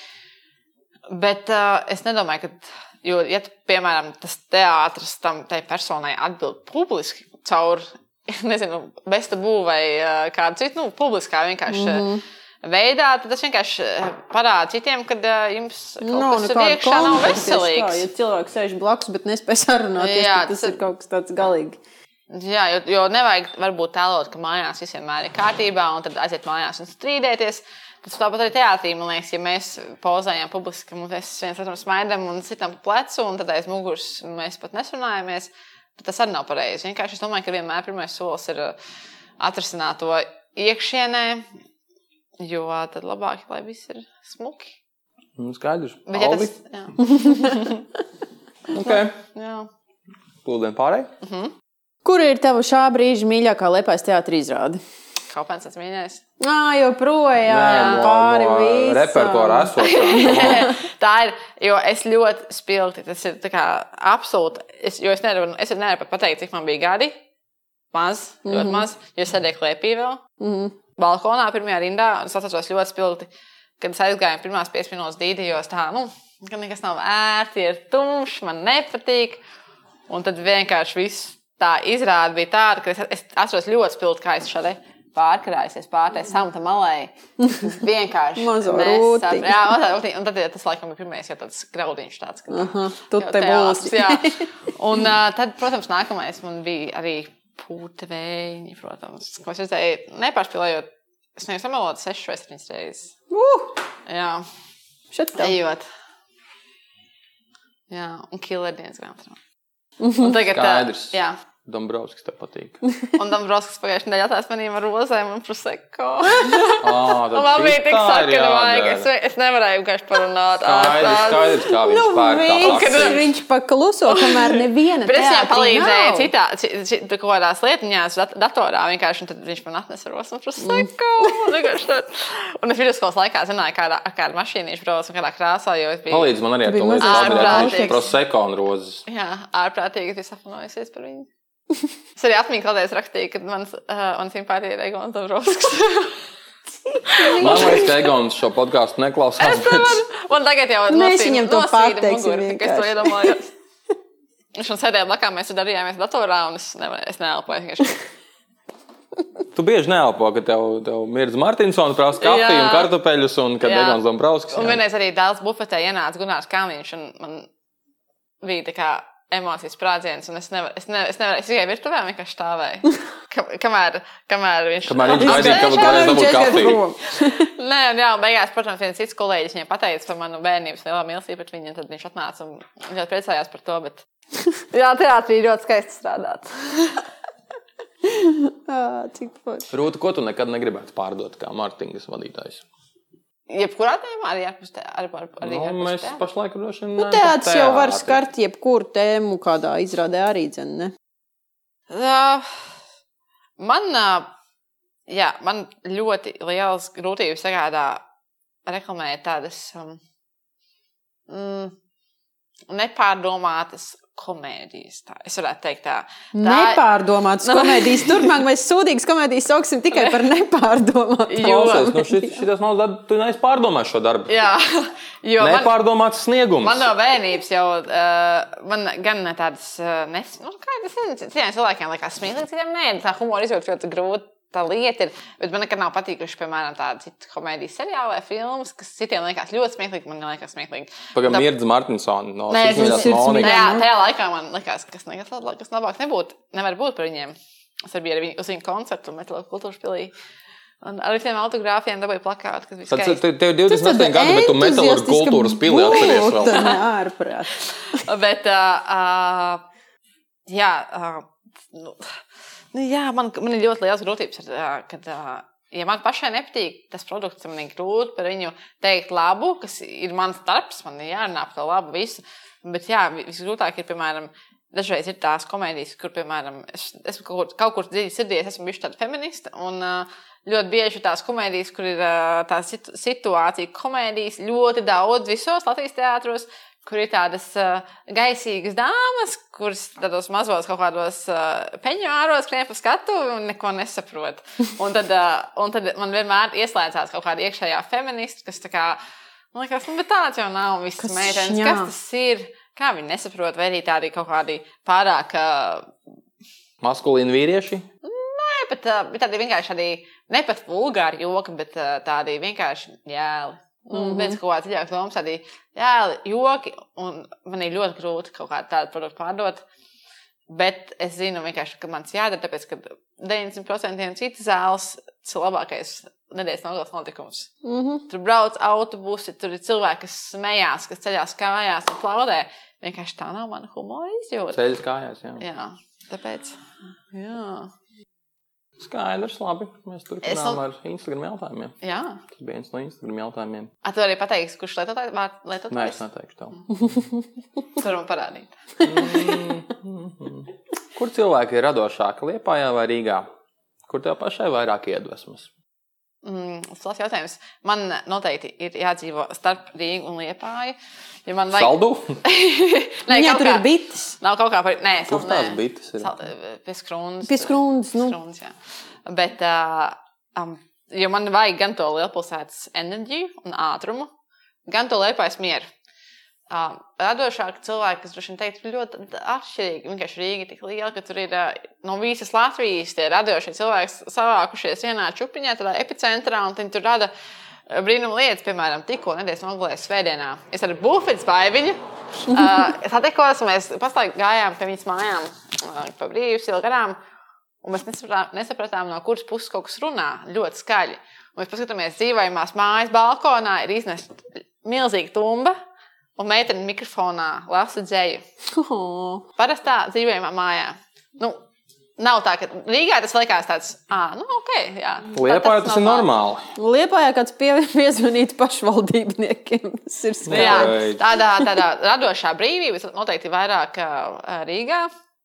Tur arī, piemēram, kad tur cilvēks uz ielām, piemēram, Rīgā, ja- Rīgā, ja es izietu ārprātīgi krāsaini ar parūku un uh, mežģīņa kleitā un špiļkām pa dienu.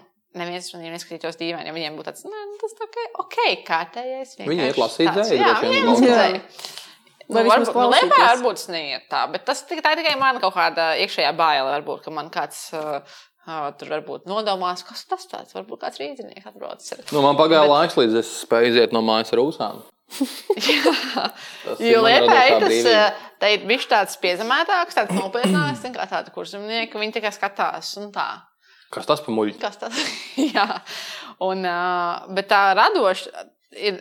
Man pārsteidz, īstenībā, cik daudz, jo, kad es mācījos skolā, es to neredzēju. jo Es nezināju neko citu ārpus uh, savas skolas. Man skolā jau bija ļoti daudz rado- radošu Tāds bija cilvēku. radošs skola. Tā bija ļoti radoša Jā, skola. bet es sveiciens pirmajā gimnājā. Jā. Liepājas brīnišķīga skola visādā ziņā. Jā, un tur, kas ar citu daudz, uh, man teātris draugi ir arī no gimnāzijas, tā kā visi forši. Bet, uh, Jā, jā, jā, jā, lūdzu, tu tagad esi. Mēs jau vienreiz gribējām dabūt gan Kārlu Reijeru, gan Kāli, Akselu. Aksel, uh, Jā. jums būs jābūt Jūs šeit. esat plānā. Tieši tā. Jūs esat kā duets, jūs esat mani draugi, un jums būs jābūt. Bet, uh, uh, jā, nu, es domāju, ka abās pilsētās ir vienādi. Vienkārši Rīga ir iesūkusi visus tos Latvijas radošos, radošos, radošos dvēseles, tāpēc viņi var viņai darboties un radīt varbūt kaut ko lielāku. Liepājā te vairāk ir individuāli mākslinieki, kas arī ļoti skaisti. Un man ir milzīgs prieks, piemēram, teikt, es zinu, ka notiek karosts eh, mākslas festivāls, kur viņi ūdens tonī taisa kaut ko brīnišķīgu. Un, uh, par to daudz nerunā, bet kad viņi vairāk darbojās uz to, kad, uh, kad redzēs, tad runās. Mm -hmm. Bet uh, nu, abās vietās. Viņi izmanto mārketinga metodi, klusie telefoni. Ja būtu jāizvēlas viena profesija uz mūžu, ko tu izvēlētos? Obligāti viena, jo šī tā baigta talantīgā dāma daudz kur. Jautājums beidzas. es Daudz kur. tālāk. Interesanti, kas tur rakstīts. Bet, um, bet um, es nesen par to uh, sapratu šajā nogalē ļoti aizdomājos. Jo es biju līdzi savai draudzenei uz uh, ģimenes dienu kā, uh, fórumu Ogrē, kur viņi runāja tieši par mākslu. Uz kādu fórumu? Ģimenes dienu. Ģimenes dienas Tas Ogrē. ir pēc asociācijas ģimene, kas nav. Nē, bija vienkārši ģimenes dienas, un tur bija vairāk, vairāk cilvēku, dažādas karjeras stāstīja. Un tad tā man draudzene, tā intervētāja, uh, uz jautājumu par to, vai viņai patīk tas, ko viņa da- dara, atbildēja to, ka, man liekas, ja tu dari to profesiju, kuru tu darītu arī bez atalgojuma, tā, kā, tad tā ir tava. Mhm. Ja tu apzinājies, ka tu dari to, nu, ka, ja tu, ka tu nedarītu, ja tev nemaksātu, tu, ne, tu nebūtu grāmatvedēji, nu, pieņemsim, vai es nebūtu uh, frizieris, tad uh, varbūt tas nav mans. Ja man šausmīgi patīk rēķināt, un es varētu būt grāmatvedējis bez samaksas, vienkārši visu dienu rēķināt tālāk, jo man patīk, tad tā ir tava vieta. Un man ļoti lika aizdomāties, jo man ārprātīgi patīk mārketings, man patīk radošs darbs, man patīk teātris, bet vai es gluži to darītu, ja man, uh, ja es nevarētu par to paēst un no- nodrošināt savu jumtu uz galvas, es īsti nezinu. Tāpēc tas ir vēl ceļš, man tomēr nav, ir tie 28 gadi. Jā, jāskatās. Tas, astoņi, tas vēl ir tik skaisti. Jā, kad uh, Vecā rasa, savos 33. Viena lieta, ko es vienmēr varētu darīt, es varētu būt uh, um, um, tas cilvēks, kurš dod Michelin zvaigznes restorāniem un vienkārši oh, nu, iet un jā, vērtē jā. ēdienu. Man to varētu Labi, nemaksāt. Man interesē, runājot par darbiem. Kā, kā, kāpēc tu tamborē peldkostīmus? To vairāk dara mana mīļā māmiņa, bet uh, ta- man ļoti, es arī varētu tam būt, bet esmu ļoti slinka tajā lietā. Tu un slinka, nē, nu, Bet es es- nesaprotu. Bet uh, man ļoti vienkārši patīk, uh, es laiku štukot. Ko vēl, kā vēl var radoši izpausties, un kā varbūt vēl var nopelnīt. Nu, jo mums visiem gribās aizbraukt ekstra ceļojumā vai nopirkt jaunas bikses vai vēl kaut ko tādu. Visi šie Jā, mēķi, kā mēs varam vēl jā. nopelnīt. Tad, Bet par šito te, kā, nu, par to profesijas jautājumu, ir tas teiciens, ka izvēlēties darbu, kas tev patīk, un tev nekad mūžā nebūs jāstrādā. Kā tas ir tāds sviests? tas ir šis. Tas ir tāds sviests, tev, tev nē, izvēles prasīgi, kurš tev patīk, un tev visu mūžu būs vienkārši stress un izdegšana un, un, un, un problēmas. Es, es varu arī pateikt, ka man bija ļoti smaga izdegšana tajā brīdī, kad strādāju divos darbos, kas man abi ļoti patika. Bet tas nav reāli. Tas strādā principā divus pilnlaika, nu, gan arī pilnlaika darbs. Bet tā nauda, tā nauda. Un bija tā Nu, nauda. gribas jau arī sev pierādīt. Man liekas, tas arī ir vēl viens kaut kāds nu, blakus bonus visām, visām profesijām, kurās, kurās tev patīk būt, ka tu gribi sevi pierādīt, un tas jau uzliek papildus baigot. Bet tur esmu, man liekas, man liekas, tas vienmēr kaut kur starp pieciem projektiem. Kāpēc vienmēr ņem tik daudz projektu un mokies ar deadline? Tad? Ai, nu Šis ir brīnišķīgs jautājums, protams. Kā. Tāpēc, ka es jau nestrādāju šodienai, es to daru kaut kādam.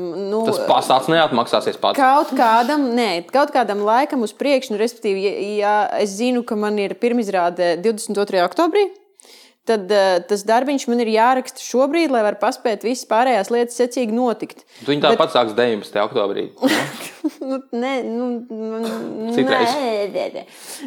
bet, bet uh, katrs cits projekts, viņš jau var arī, piemēram, teātris rēķina kaut kādus darbus uz priekšu gadu vai pusotru. Bet kaut kādu projektu ielien pa vidu tam visam. Nu, pie, pēkšņi man pasaka, eure, kur ir projekts, man viņš liekas, baigs super forši, bet viņš ir jāizdara tagad kaut kādu trīs mēnešu laikā. Es negribu no viņa atteikties, jo viņš ir inčīgs. Viņš man dod kaut kādu jaunu pieredzi, arī naudu, un tad tas automātiski vienkārši sabakājās pilns ar visu kaut ko. Tas, tas, Bet tu neesi mācījies, tu joprojām esi vienmēr nu, pārgrūzīt. Man liekas, Jā, tā tas visdrīzāk turpināsies vēl baigi ilgi. Kamēr bērni nesāks pelnīt.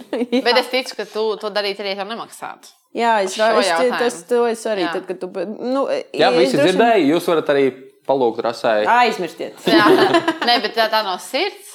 Nē, es rakstīju, tu es vienkārši rakstītu rakstīju. Es rakstīju tikai, Jā. nu, jā, tad nebūtu pasūtījums rakstīt tikai to, ko es pat gribu. Jā.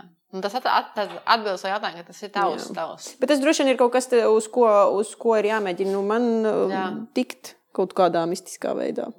Un gati? Vai tu būtu aktieris, ja tev par to nemaksātu? Mm, Es nezinu. Es tiešām nezinu. Man šie, šie, šie, tie ir sarežģīti jautājumi, tāpēc ka mēs dzīvojam pasaulē, kur tev vajag naudu, lai izdzīvotu. Un, uh, nu, redz, ja tu strādā par Michelin zvaigžņu devēju, vismaz vari paēst pavelti. Bet uh, aktieris nu, visās izrādēs tu nedod ēst rekvizītors. Un, uh, Nu, es nezinu, nē, es droši vien nē. Ja man būtu jāmācās vēlreiz, visu, jāiet četri gadi cauri skolai un, un visam tam stresam, pēc tam no jauna sev jāpierāda. Un, un, un, un vispār tas darbs ir tāds, ka tu katru reizi sastāv lomu no nulles, un, un nu, tas ir šausmīgi paņemoši. Da, tas prasa ļoti daudz resursu no tevis. Un, nu, un cik, cik ilgi tā var? Ja tev nemaksā vispār, ja tu to dari vienkārši prieka pēc. Prieka pēc tas būtu amatieru teātrī. Mm. Droši vien ļoti sūdīgs aktieris. Pēc tam man liekas, ka tu būtu tieši tas, kas kā, Nē, nē, nē, paldies maniem pasniedzējiem. Nē, nē, nē, nē, es esmu, kā, esmu iemācījies kaut kādu viņa piezemētību un tam līdzīgi, un nedomāt par to, ka esmu pats labākais. Tāpēc paldies Dievam, ka es neesmu amatieru teātrī. Jo tur man liekas, tas būtu. Ne, nu es nezinu, kas tur būtu. Romeo. Es, es, es saņēmos, es mammai ļoti atvainojos, bet es, var, es ievilkšu pāris dūmiņas no šīs. Rūta Hasner pīpē. Tā, tā, tā, tā pagaid, man arī ir pāris jautājumi. Ja? Es gribēju pateikt, ka joprojām uh, mūsu Facebook grupā neviens neuzdod jautājumus. Tā kā no Facebook grupas tā jautājumu nav. Jā, 19 laiki, 20, bet nav, nav jautājumu. Nu, te turpinot, varbūt vienkārši arī to pašu iepriekšējo tēmu. Tev ir kaut kāda tāda sirds lieta, kur tev, tu dari, un tev vienkārši pazūd laiks, telpa un viss pārējais. Tu vienkārši tā kā likt make-upu. nopietni. Jā, Sev? Jā. kam? Nē, nē, es tam- es nemāku nemaz. Citiem cilvēkiem. Nu, viss, tagad viss, tad, kad Man, es gribēju būt skaists, es iešu pie tevis. teātrā, teātrā, frizētā. Kāpēc izlaiž grimē, jā, grimē tavu kā Uh, savu es, profesiju? kad es spēlēju izrādās finīšus, es vienmēr pats sev taisīju savu, mm. savas kolēģis Annikas make-up. tā kā. Un man vienmēr mans mīļākais uh, frizierīts un make-up māksliniecis teica, ka uh, viss labi sanāk, tāpēc es ļoti priecājos. Bet tā ir viena lieta arī, ko šajā no, nogalē, kad uh, mēs to daudz diskutējām par to naudu un vai tu darītu to, tad uh, man bija tā da- galvā doma, ka vienīgais, ko es gribētu darīt, ja pat, pat ja man nemaksātu, es gribētu uh, taisīt matus un uh, grimēt meitenes. Lakot Wow! Nē. nadziņus. Jo, nē, neatzīst, nē. Bet, uh, man, bet tas arī nebūtu tāds, ka, es to gribētu darīt uh, visu dienu, caur dienu, vienkārši kā tāds autopilots. Bet tā, ka es vienkārši, man ir ciemojās, man draudzene Līna pie maniem ciemos, un es arī no rīta vienkārši, viņai neko nav jāiet, saka, es varu tev uzkrāsot, jo man vienkārši ārprātīgi patīk, un es zinu, ka viņām, tā manām draudzenēm, kuras viņas jutās tik nenormāli pārliecināts pēc tam, viņām mainās pilnīgi viss izturēšanās, eh, kā viņas jūtās, un es zinu, ka man sanāk, jo esmu daudz trenējusies, un uh, man ļoti tas man ārprātīgi, tā kā pats. Kā tajā negaidītā atbildē? vienkārši, Nu. Es zinu, bija tāda influencer, tagad ir vēl viena tāda influencer, make-up par Rūtu. Jā, Make-up par Evelīnu, man liekas. Nu, tā viņa Elīna Pārker tagad viņai pār, man liekas, pārtaisīts. Viņa raksta, ka viņa ir aktris arī Jā. savos Jā. bio. Nu, kaut Bet tas cilvēks arī savos 20 seriālā gados ir sasniedzis tik daudz, cik citi nav savos Pati. 40. Jā. Pati. Tāpēc mums skauž. Nē, nu mēs esam tie grampīgi mileniāļi. Man liekas, ka tur kaut kas, kaut kas no tā ir jā, kaut tāda bišķi nīgri. Uh, kaut kas man bija vēl kaut kāds. Es varētu heitot tā kā par velti. Nē, man šķiet, ka tu varētu. Uh, Internet trolls pavēlti to. jo tev, ir, man liekas, fantastiski, fantastiski izdodas rakstīt kaut kādas tādas savas pārdomas, kaut ko tādu. Es domāju, Jā, ka tu tev, varētu- tev lieliski izdotos aprakstīt kaut ko. Varbūt recenzēt kaut ko. Nē. Atstāsim to profesionāļiem. Ir kaut kas tāds, ko tu gribētu iemācīties vēl, nu, kas, kas tev ir Krievu tādā... valodu. Tu nenāk krieviski. Nē, es gribu. Nē, nu, lūdzu. brauc Nē, atpakaļ. Es ļoti, Ir ļoti, es ļoti gribu. Uh, nē, ja, ja, ja, ja tu man pretī runā krieviski, uh, varbūt ne tur pašā ātrākajā tempā, tad es varu saprast un atbildēt vienkārši latviešu. Uh, bet, uh, lai es atbildētu, es arī varu izlasīt visu. Tā kā izlasīt, bet es nesaprotu, kas tur rakstīts. Ja es iemā, skolā es iemācījos alfabētu, es iemācījos visus tekstus no galvas, kas bija jārunā. Es iemācījos tikai dzējolīt, vienkārši tādu penteri. Bet, uh, Un lūk, kāpēc Rūta nav Rīgas uh, Mihaila Čehova priekšteātrī. Kaut arī man ļoti patīk, es biju izrādējumi, jo viņiem ir subtitri, kas ir forši. Bet uh, jā, man, tā ir mans, mans mērķis. Jo man ir bijušas tādas iespējas runāt ar cilvēkiem no, no Krievijas vai no citām valstīm, kas runā krieviski. Tad, uh, un es jūtos vienmēr ļoti slikti, ka es viņiem nevaru, nevaru panākt pretī ar, uh, ar, ar to palīdzību nelielo. Mm. Jo varbūt viņš nerunā tik labi angliski, bet es uh, varētu parunāt viņiem krieviski. Man arī ļoti patīk krievu dramaturgija, bet es uh, viņu lasu latviešu, kas nav vairs tas, vai angliski. Mm -hmm. Es gribētu izlasīt viņu krieviski, viņu īstajā valodā. Nu, ja kāds grib ar maniem runāties, visi piedāvājumi ir tādi. Nu, vismaz es tev varu nodrošināt kaut kādas pāris playlists, krievu pops. Man arī patīk, man patīk klausīties. Pat es nesaprotu, bet es uh, mm -hmm. klausos okay. Okay. mūziku. Колумбия Pictures не представляет. Tieši Jā. tā. Piemēram. Jā, Ok, tik tālu mēs būtu tikuši. Cik ir Ā, pulksteņi? Un, nu, Cik ilgi mēs tam maucam jau? Stundu 50 jau ir, jā. minūtes. Stundu 50 minūtes? Būsim precīzi. Ne? Stunda? Nu, labi. Stundu 15. Oh, oh, oh, Okay, oh. nu, nu, Tas Ah, nozīmē, ka Rūtai ir jādodas. Nē, mēs varam vēl par parunāt. Dāvāj kaut ko O, nu, patriecāt. Par ko tu gribi ziņa. parunāt? Varbūt tev ir kaut kas arī, par ko tev gribētos papļāpāt ar mums šeit skaistā. Kas ir lielākā mārketinga kļūda, ko, ko tu atceries no, no teātriem? Kas, ka- kur, kas ir, Jā, kas ir lielākā, kur, kur visvairāk izgāzies kāds ir? Kad tu skaties tajā savā Instagramā. Es gribu atzīt, un es esmu "Oh, izdzēris vairākas glāzes upeņu balzāņus, pateikt, ka Dēls teātra izrādē testosterons bija vienkārši absolūti briesmīgs plakāts. Bet, uh, jūs, lai piedod bet, lai visi skatītāji zina, uh, plakāts nav. Bija domāts ironiski. Nē, plakāts nav mārketinga direktora. Nekādās izvēles. Viņš var piekuriģēt. To dara scenogrāfs plakātu izdomā scenogrāfs. Šīs izrādes scenogrāfums veiciens, tas, tas bija vienkārši tas bija šausminoši. Es, Bet es tu- atvainojos, bet tas bija es zinu, ka tā izrāde bija absolūts hits. Es, Viņš jā, jā, un, un uh, plakāts absolūti nesaistās. Nu, izrāde var būt lieliska, un plakāts var būt briesmīgs. Tas, tas viens otru nu, nu, neizslēdz. Bet, uh, bet Kāds ir labs plakāts? Jā. No mārketinga viedokļa. Es esmu, tad, kad esmu runājis ar Džilu, esmu runājis, viņš teica, ka vienmēr jāliek cilvēku uz, uz, uz Jā, tas plakāta. strādā Sejas. labāk. Ir tieši atpazīstami cilvēki. Bet uh, noteikti tāds, kurš uh, nav pārāk raips, lai viņu braucot garām ar autobusu izlasītu. Stendā, ja viņš kaut kur stendā ir. Mm. -hmm. um, tāds, kur ir. Uh, es teiktu, ka kaut cik nedaudz var nolasīt to atmosfēru, kāda valdīs mm -hmm. tajā izrādē. Uh, un uh, es domāju, vienkārši tur jābūt kaut kādam tādam. Uh, vienai ļoti pamanāmai lietai, vai nu tā ir krāsa, ā, vai nu izcila aktiera, nu, tur galvenā aktiera portrets tāds ā, zīmīgs. ā, Lai nav vienkārši tā, ka tur ir sešas labas lietas, bet viņas neizceļas ā, kopā skatoties. Vai miljonus labu lietu. Nē, man viens labs lieta, piemēram, vizuāls man ļoti patīk. Bet uh, uh, Jā, man es atvainojos Mitiem Petrenko, kurš vienkārši mono izrādē spēlē Edgars Ozoliņš un spēlē Gatis Maliks, daloties. viņš uzliek sev. Viņš uzliek sevi uz plakāta. Ko tas pasaka par režisoru Vienkārši Mitiju Petrenko? visatļautības pakāpe jau ir pilnīgi sasniegusi griestus. Jā, man ka vienkārši tad jābūt acī piesaistošam, konkrētam tādam plakātam, lai- kurš nepasaka visu, kas būs izrādē. Ja, Bet kaut ko pasaka. jā, ja tu spēlē Romeo un Julietu, tad neliks beigā ainu, ka viņš jau ir izdzēris to vai indi vai iedūris savu vēdrā. Tur ir kaut kādam tādam mazam tād niansei. Nu, labi, nu, tad tas iepriekšējais gada jautājums par to, nu, ka- kas ir bijis tāds fails, tavuprāt, nu, kad tu skaties kaut kādu marketinga kampaņu, ir tāds, eh, Uh, grūti tā. Mēs gribam, lai tu nosauc kaut kādus vārdus beidzot. Davai Nu, izraisam kaut kādu. Tiem. Jā, um, es, es pat nevaru pateikt, um, konkrēti izrādē, plakāti. Man liekas, ka varbūt dažreiz ir bijis par daudz kaut kur likts, vienkārši par daudz spamots. Bet mm -hmm. nu, tā jau ir bijis varbūt tā kā mana kļūda vai kāda kolēģa kļūda, bet tā tieši vizuāli kā kampaņa slikta. Es, es, mm, man tiešām grūti pateikt. Jo man jau tu vienmēr zini, liekas- kāda tāda Man ir prātā? Es piemēram, kā iedomāties. es, Man nē, nu, es droši vien, ja ir sūdīgi, tad es nepamanu. Ja ir ļoti sūdīgi, tad es iesmēju.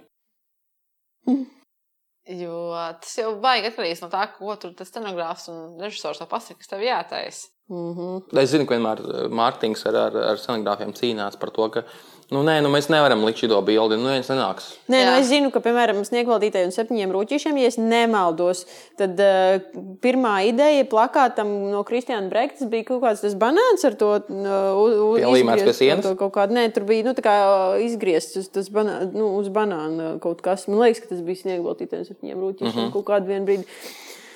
O, jā, Jā, nu, tur ir tas bijis. Tu vari A, ko beigās ielikt? vai? Nu, tos uh, Rūķīšus? oranžos rūķus mežā. Tas Jā. ir labi. Jo tajā izrādē nebija banānu vispār. Jā. Tas ir kaut kas ne- nesaistīts. Bet dažreiz es pat varbūt nostrādāju mazliet. Mm -hmm. Es arī laikam domāju, ej, ej, nāku nu pa dienu uz darbu, un es skatos uz uh, izrādes dēmonu, uz plakātu. no rīta uz darbu, ir rūta. Un es, nu, arī. Nu, mēs strādājam tajā. Un es no 9 rītā. Un es uh, skatos uz, piemēram, uz demonas plakātu, un es redzu, ka tur uz krikliņa ir suņi. Bet es uh, esmu redzējis to izrādi. Un es joprojām nesaprotu, kāpēc tur ir tie suņi. Mm -hmm. Bet tur jau ir tā maģija. Nē, nē, man tie ir- arī piesaista acīm. Jā, mērījām. es vienmēr pastāstu, man ļoti spilgti iespējams, jā, bet Tur ir kā jautājums, no tos izrādīt. Atbildi nav bijusi. Dēmons. Tur, tur man arī bija jautājumi par, par, par visu kampaņu. Tur bija kāds uh, liels veikalu, veikalu ķēde, bija sponsors, kas uzstādīja savus, savus uh, nosacījumus. Tad man liekas, ka šo izrādi varētu saukt arī par dēpons. Bet nu, tur ir tā lieta, ka tur nevienmēr var runāt pretī tām lielajām ķēdēm. Ceļš, viņas Nu, jā. tavam māksliniekam mm. redzējumam iznākt pie tautas. Jo visdrīzāk viņš bez tā nebūtu nemaz pabeigts. Podkāsts pīpētājs sarunas, pieņemam sponsoru piedāvājumus. Jā. Mums Mums vajag Mums varbūt ir kur influenceris top. Jā, Jā. mums varbūt mums bija vēl kādi jautājumi, viens vai nē, nebija aktīvi cilvēki. Tie bija tie, kas bija. Pagaidām, es paskatīšos, vai man tur kaut kas tāds lūdzu, sākt uz nākamajām sērijām. Droši var jautāt vairāk jautājumus. Jā, jā, es to esmu jau teicis kaut kādas astoņas reizes. Tas nes- vienkārši nestrādā. Bet uh, Instagramā, kad viņi drīkst būt anonīmi, tad uh, viņi kaut kā mazliet atverās. Tā reku man ir jautājums, vai tu proti menedžēt savu laiku? Uh, jā, kādreiz nemācīju nemaz. Uh, šobrīd uh, es domāju, ka esmu iemācījusies to darīt. Jo man arī joprojām ir vairākas blakus lietiņas, ko es daru savā dzīvē. Un, um, es, viņ- es viņas kārtoju tā, lai viņas netraucēja manam pamatdarbam, kas šobrīd ir Liepais teātrī. Tāpēc es uh, izvirzu kaut kādas prioritātes. Nav tā, ka es plānoju plānotājā simtprocentīgi, kurā minūtē sāku, kurā beidzu, bet es izlieku plānu, ko man tajā dienā jāizdara, lai man tas nevelkās līdzi kaut kādā nedēļas griezumā. Bezgalībā. Bet privātajā dzīvē es nemāku mēģināt. Ne. Medžinēt. mene- meģinēt. Meģinēt laiku. Paldies. Uh, es, man ir grūtāk plānot savu laiku. Jo es uh, vienmēr austos uz visām pusēm. Man gribās satikt to cilvēku, man gribās to cilvēku, man vajag sakārtot mājas, man vajag uzsākt ēst. Man vajag to, palasīt grāmatu, vai pagulēt. To gan es vēl tikai mācos. Pagulēt. Man jautājums jums. Aiziet. Ko jūs sagaidītu no jauna mārketinga direktora? Es gribu savus 10,000 followeru. Jā. Kā minimums. Es gribu pilnas zāles. Man liekas, ka mārketingam ir. uh, Mārketinga uzdevums ir izpārdot pirmās trīs izrādes līdz augšai.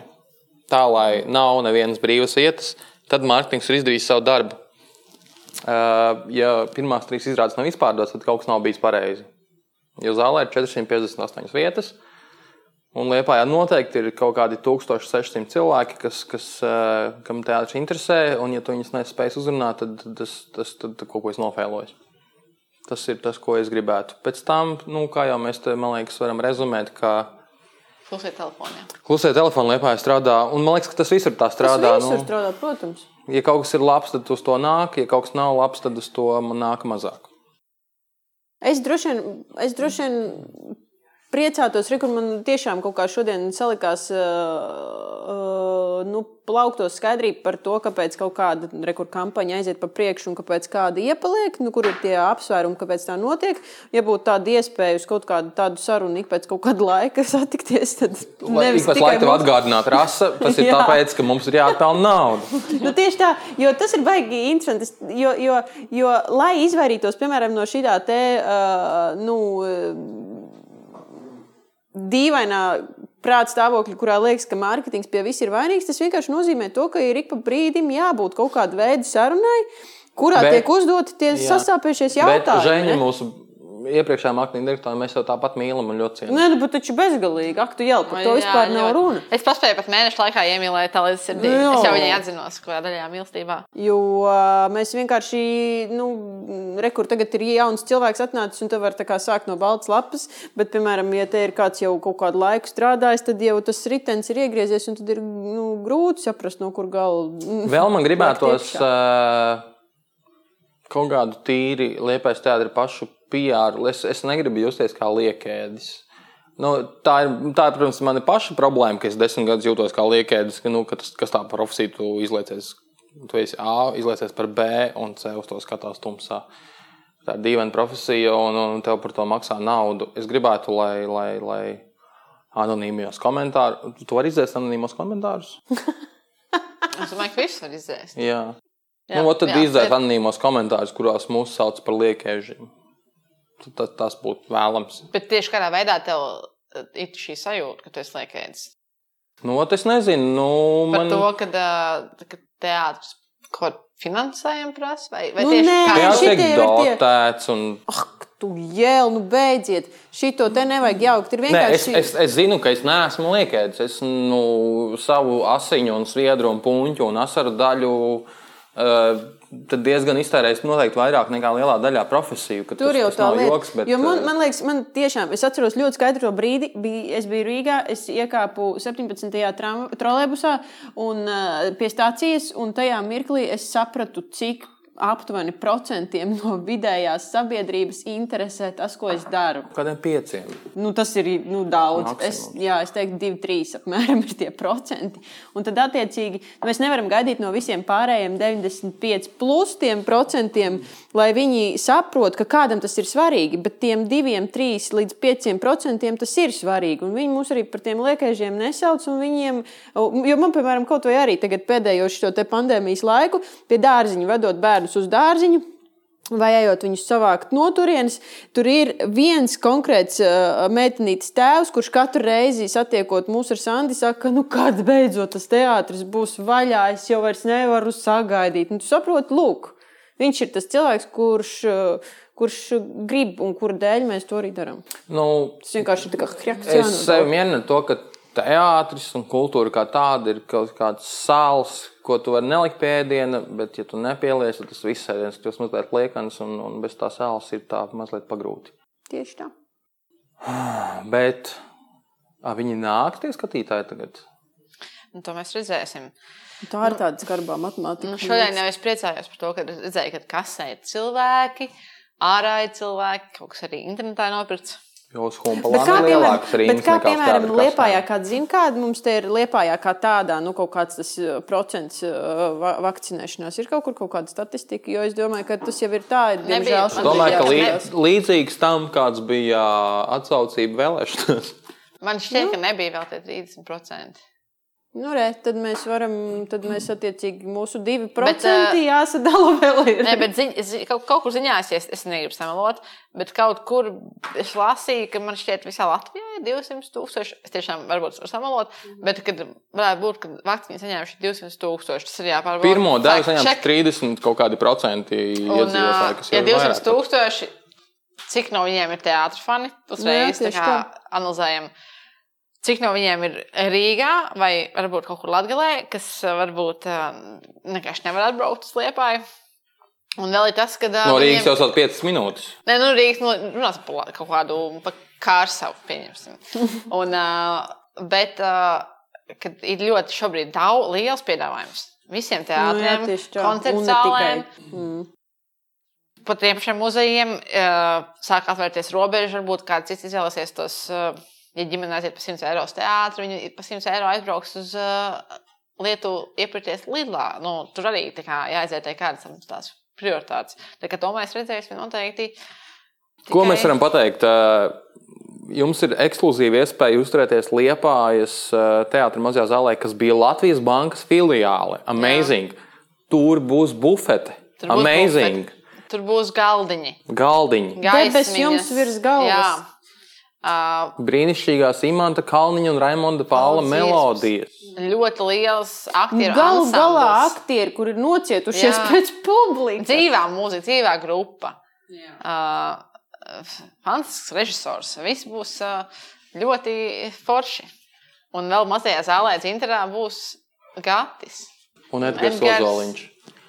Jā, es ā, Puģi. visus aicinu. Uz- Nu, un- puģi albuši tā, es visus aicinu uz uh, mono izrādi. Miljons labu lietu. Man liekas, ļoti labi izrādi bija. Jā, Jā, un vēl atskatīs. diploma darba izrāda. Un diplomdarba izrāde. Jauni, Gribat jums ir sajust ekskluzīva jā. iespēja ieraudzīt jaunos mazos ziķerīšus, vienus pašus bez pārējās trupas pagaidām, uz lielās skatuves, Jā. pirmo reizi, patstāvīgi. Un To es pasēdēt gribēju redzēt, kā viņi neuzdursies mēbelēm. sarkanē. Es biju iegājis vienā mēģinājumā, tas bija ļoti saudabīgi. Viņus redzēt uz tās lielās zāles, nu, bez, piemēram, rekur tur purbrīdēja trupas vai, vai bez visiem pārējiem jums. Vienkārši tur redz, pēkšņi citi cilvēki ir uz to skatus. Ļoti, To mēs ļoti- Mārai visi izprasīsim. Jep. Kas ir ar Jā. viņiem? Jep, jep, jep. man ir ļoti liels- Gatavojiet jautājumus Mārai, lūdzu. Jā, man ļoti, ļoti, ļoti priecē jaunās trupas uh, entuziasms un enerģija, ar ko viņi nāk teātrī. Es viņu satieku uh, kāpņu telpā un lūdzu, mīļie, es jums šo veltu. Uh, jūs varat teikt man čau, jums nav jāsaka man labdien, jo tas man liekas, jūs esat tomēr 28. ārprātīgi veca. Jūs tikai būtiski 5 vai 4 gadus vecāki par jums. Un, un Bet jau tik daudz paspējusi. Labdien, labdien, čau! Ok, noslēgumā, uh, kura ir labākā kafija, ko vajadzētu dzert? Ili. ili, nē, es domāju, kas, kas jāņem uh, kafejnīcā, lai tev neuzstītu par idiotu. Mm, espreso un pateikt, espreso, nevis espreso un uh, flat whites. Flat white. Flat white ir vienkārši kafija ar pienu. Bet tāds dubultais espreso Ah. ar uh, mazāk putotu es siltu pienu. To jums teica Sijā Innocent Pro. pārdošanas Speciāliste un barista apmācību vadītāji. barista apmācība. Arī tur uzzīmēt puķīti kafijā. Proti? Es ar puķīti un uh, sirsniņu un uh, tulpīti. Gulbīti? Gulbītis nekad nemācījos. Ah, jā. Bet uh, sirsniņa gulbītis un uh, ne, tulpīti. Trīskāršajo sirsniņu. Un es biju- mācījos arī Mums Itālijā pie vajadzētu- meistariem. Itālijā pie mēs. Divas reizes mācījos pie viņiem. Jā. Es mācījos Lietuvā pie meistariem. Ar meistarību. Es varu novadīt jums kafijas lekcijas, kādreiz gan jau man kolēģi uh, nedusmosies. Nē, kolēģi priecāsies. Nē, uh, mums, ir, mums ir jāveic uh, mazas apmācības mūsu bufetes meitenēm. Jo tur nav labas kapučīnā putas. Tur, tur, Es tur ir, paskatīšos, kā aparāts viņu iztīrīšu. un Tur ir es- iespēja ne, viņas man ir ļāvušas taisīt pašam savu kafiju, un tad, Jā. tad ir ok. Okay. Tad, jo es arī mazliet esmu, esmu pastrādājis bārā kā barista, un es apmēram zinu. Nu, Kad es jā. jāielaiž gaisa, ir jau. Jā, lai gaiss ir kafija jābūt, 16 pie, pienam jābūt matētam tādam, matētām putiņām. Jā, es to varu. Jūs man patīkat. Paldies, paldies visiem mūsu patroniem. Atkal uh, Jā. tātad patronam.